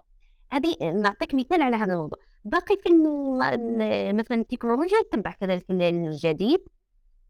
نتبع الجديد مثلا في في, في أي حاجة نتبع لأنه حتى برنامج التكنولوجيا الحمد لله بدأ يعني آه، يتعرف حتى في الأوساط الجامعية. بداو آه، يعني طلبه جامعيين خاصة من من جامعة باب الزوار يتصلوا بيا ويقولوا لي بلي عندنا نشاطات وعندنا آه، مثلا كيما نادي سيناء. تاع الإلكترونيك في باب الزوار. يعني نادي ناشط وكاين ثاني طلبة من من نوادي في المدرسة العليا للاعلام الانجليزي يعني إيه. مروا معايا في البرنامج. أصبح يعني الحمد لله بدأ يتعرف هذا البرنامج وبدأت كما قلت لكم كنت تكبر يعني آه اللي يحوس مثلا باش يوصل رسالة للمجتمع التكنولوجي نقدر نقولوا إنه يتصلوا ببرنامج تكنولوجيا يعني ومعدته شريفه يعقوبي الحمد لله يعني آه نحس إنه آه راني بديت نمد حاجة لهذا المجتمع يعني وهذا ال- المجتمع المهتم بهذا المجال. باقي مثلا البرنامج الآخر اللي هو عبارة عن مواضيع تكون ستاندار دائما في كل مرة نحاول إنه نشوف آه، بحكم الحمد لله يعني بحكم الدراسة تاعي وبحكم الاطلاع ولأنه الواحد يبقى دائما آه، مرة آه، عام على عام يتعلم الإنسان يتعلم دائما كل مرة آه، يزيد حاجة ل- التجربة تاعو ويزيد في الماتوريتي يزيد في النضج. نحاول إنه نبعث بمواضيع تفيد المجتمع نحاول ندغدغ آه، نقدر نقولوا إن التفكير عن الإنسان لازم نح- نحاول نحاول نبداو من جديد نعاودو نفكروا نعاودو نفكروا لازم نفكروا ما يلزمش غير نبقاو مستقبلين مستقبلين مستقبلين لازم نفكر في كل حاجة لازم نفكر حتى ولو راني إنسان بسيط جدا نفكر الرسول عليه الصلاة والسلام بدأ بالتأمل. وهذا التأمل لازم يكون من خلال أنه ن- نفكروا كي نعرفوا نستخدموا ال- التكنولوجيا لأنه إذا آه، أصبحنا عبيد للتكنولوجيا أكيد لا لا نفكر. صح. بارك الله فيك أستاذة. صراحة الحديث معك كان شيق جدا جدا جدا ونظن بلي المستمعين اللي راهم يسمعوا فينا راهم يقولوا علاه ما كملتوش علاه ما طولتوش. إحنا فقط بان راهم عديد المرات يقولوا لنا علاه راه كنا في في في أول الأمر يعني نروح حتى لساعتين ونص لسوايع ولكن ما نقدروش نثقلوا على ضيوفنا نشكرك جزيل جزيل الشكر. شكرا على المقدمة شكرا على كل المعلومات اللي استفدنا منها. آه، أنا أنا شخصيا ونظن زبير أيضا استفدت كثيرا من هذه الحلقة يعني كتعدي نظرة. وأيضا اكتشفت أنه في الجزائر كاين مواهب كبيرة جدا وفهمت على فهمت على الناس تروح البين لأنه صح صح كاين كفاءات. ربي يحفظك إن شاء الله. شكرا جزيلا على كل المعلومات. ما هيش راح تكون أول آخر حلقة. آه راح نديروا الله. حلقات أخرى ولكن إن شاء الله بحول الله تكون في في مواضيع دقيقة. راح ندخلوا في التفاصيل لأنه أنا إن شاء الله في بودكاست جزر راح نحاول نخصصوا بعض الحلقات المتعلقة بالصحافة. يعني مجالات راح نديروا عدة حلقات في مجالات في مجالات الطب في مجال التعليم الآلي وفي مجال الصحافة إن شاء الله. نستضيفوكم نستضيفوا أيضا الزملاء. في مجال. جزيل الشكر على كل المعلومات اللي أعطيتها لنا على إجابة الدعوة. نقدموا لك يعني الميكروفون كلمة أخيرة وبعدين نفوتوا للزبير لختام هذه الحلقة. بارك الله فيك. الشكر موصول لكم أنتم لأنه فعلا كانت فرصة فرصة كبيرة لي وفرصة من ذهب أنه آه، تحاورت معاكم. وخرجت يعني مكنونات وحاولت نوصل رسالة لأنه صح؟ آه، عندي فرصة اني نكون من وراء الميكروفون نوصل آه، رسائل ونوصل يعني معنى لهذه الحياة لكن آه، في هذا الإطار في إطار القصره آه، كان عندها معنى آخر كان عندها آه، طابع آخر كان عندها كما نقولوا شارم واحد اخر وجمالية واحد واحدة أخرى. نتمنى إنه ما نكونش ما كنتش ثقيله على لا لا ولكن هل هل- فقط معلومة أخيرة هل أول مرة يحاورك ولا حاورك من قبل؟ آه آه، وكان هذه ثاني مرة أحاور فيها. طيب ثاني مرة. أحاور فيها. بارك الله فيك. آه، لا لا لا لا. استغفر الله ثالث ثالث مرة. ثالث مرة وحاور فيها. مرة في الإذاعة ومرة عبر الزوم. يعني في كنت كضيفة في نقاش موضوعين يعني كل مرة على حدة. وهذه لكن آه، أعجبتني التجربة كثيرا كثيرا. فقط آه، الإنترنت الحمد لله اليوم آه، لا الإنترنت راه صح. يعني متعودين الانترنت راه هاي. نشكر الإنترنت كثيرا على عدم الانقطاع والله يعطي يعطي الصحة الإنترنت اليوم. يعطيكم الصحة أنتم بزاف. بزاف آه وي يعطيكم الصحة و... وشكرا جزيلا لكم. والله أنا حتى من خلال تجربتي يعني آه في ال- خلال الحجر الصحي وعلاش نقول دائما إنه أزمة كورونا اعطتنا حلول واحدة أخرى وخلتني نزيد نتعرف أكثر فأكثر على كفاءات جزائريه في كل آه، ربوع ال- الكرة الأرضية. يعني في النقاط الاربعه للكره الأرضية تعرفت بكفاءات ويعطيكم الصحة وتبقوا دائما ومن خلال هذه الكفاءات وأنتم مريتوا في في برنامج سميته يعني من القلب سميته فخورون بكم. وكنتوا كنتوا من خلال آه، العمل ويعني التنظيم اللي قمتوا به هذاك العمل الجبار العمل الرائد وي انجيريانز لأنه كنت آه، كنت ملحه جدا أنكم تو- تفوتوا معايا. وفتوا معايا يعني تكونوا من آه، يعني كنت كنت سباقه انه تكونوا في في البرنامج. كان فعلا صح كي نقول فخورون بكم فخورون بكم يعني ونعاود نذكرها لأنكم أبناؤنا لأنكم إخواننا. فخورون بكم دائما. جزيل الشكر. شكرا جزيلا أستاذة شريفه بارك الله فيك. يعطيك الصحة على تلبيه الدعوة والنقاش كان جد شيق. صراحة آه، كنا قادرين عادي نزيدوا فيه ونطولوا فيه ولكن آه، لضيق الوقت لازم نحبسه وثاني اللي تعلمناه تعلمنا الكثير منك صراحة لأنه صحفيا نظن مولفين كما قلت أنت دائما يعودوا هما وراء الميكروفون ولكنهم كال اللي هما يسألوا مش كاللي هما يسألون. ثاني باش نعرفوا أنه لاحظنا أنه مهنة الصحفي ثاني مهنة صعبة في الجزائر وما هيش هي الوحيدة اللي راها تعاني مشاكل. لو خاصة لو أخذنا مشكل تاع هذاك تاع التواصل بين الجامعة وبين الصناعة في كل المجالات أو حتى الصحافة كما قلت الإذاعة والجامعة ما كاينش ذاك التواصل. هنا نتمنى إن شاء الله أنه كفايه هنا خاصة الشباب اللي أتيحت لنا أنه عشنا في عصر التكنولوجيا اتيحت لنا الوسائل اللي لم تتح للأجيال السابقة. أنه كفايه نحاولوا هنايا نكونوا همزة وصل بين هذه بين الصناعة وبين الجامعة ولو حتى بإعطاء الأفكار يعني حتى ولو كنا بعاد ممكن فيزيائيا على الجزائر ولا ولكن وجدانيا رانا قراب رانا نتبعوا عن عن قرب واش راه يسرى. وإن شاء الله ما تكونش هذه آخر مرة إن شاء الله تكون فيها فرصات أخرى ونتكلموا كما قال طه بالتفصيل على مواضيع بينه ومن غير إطالة شكرا جزيلا لك مرة أخرى وشكرا للمستمعين الكرام والمستمعات الكلمات اللي بقوا معنا لحد الآن. وإن شاء الله استفادوا هم ثاني معنا كما استفدنا.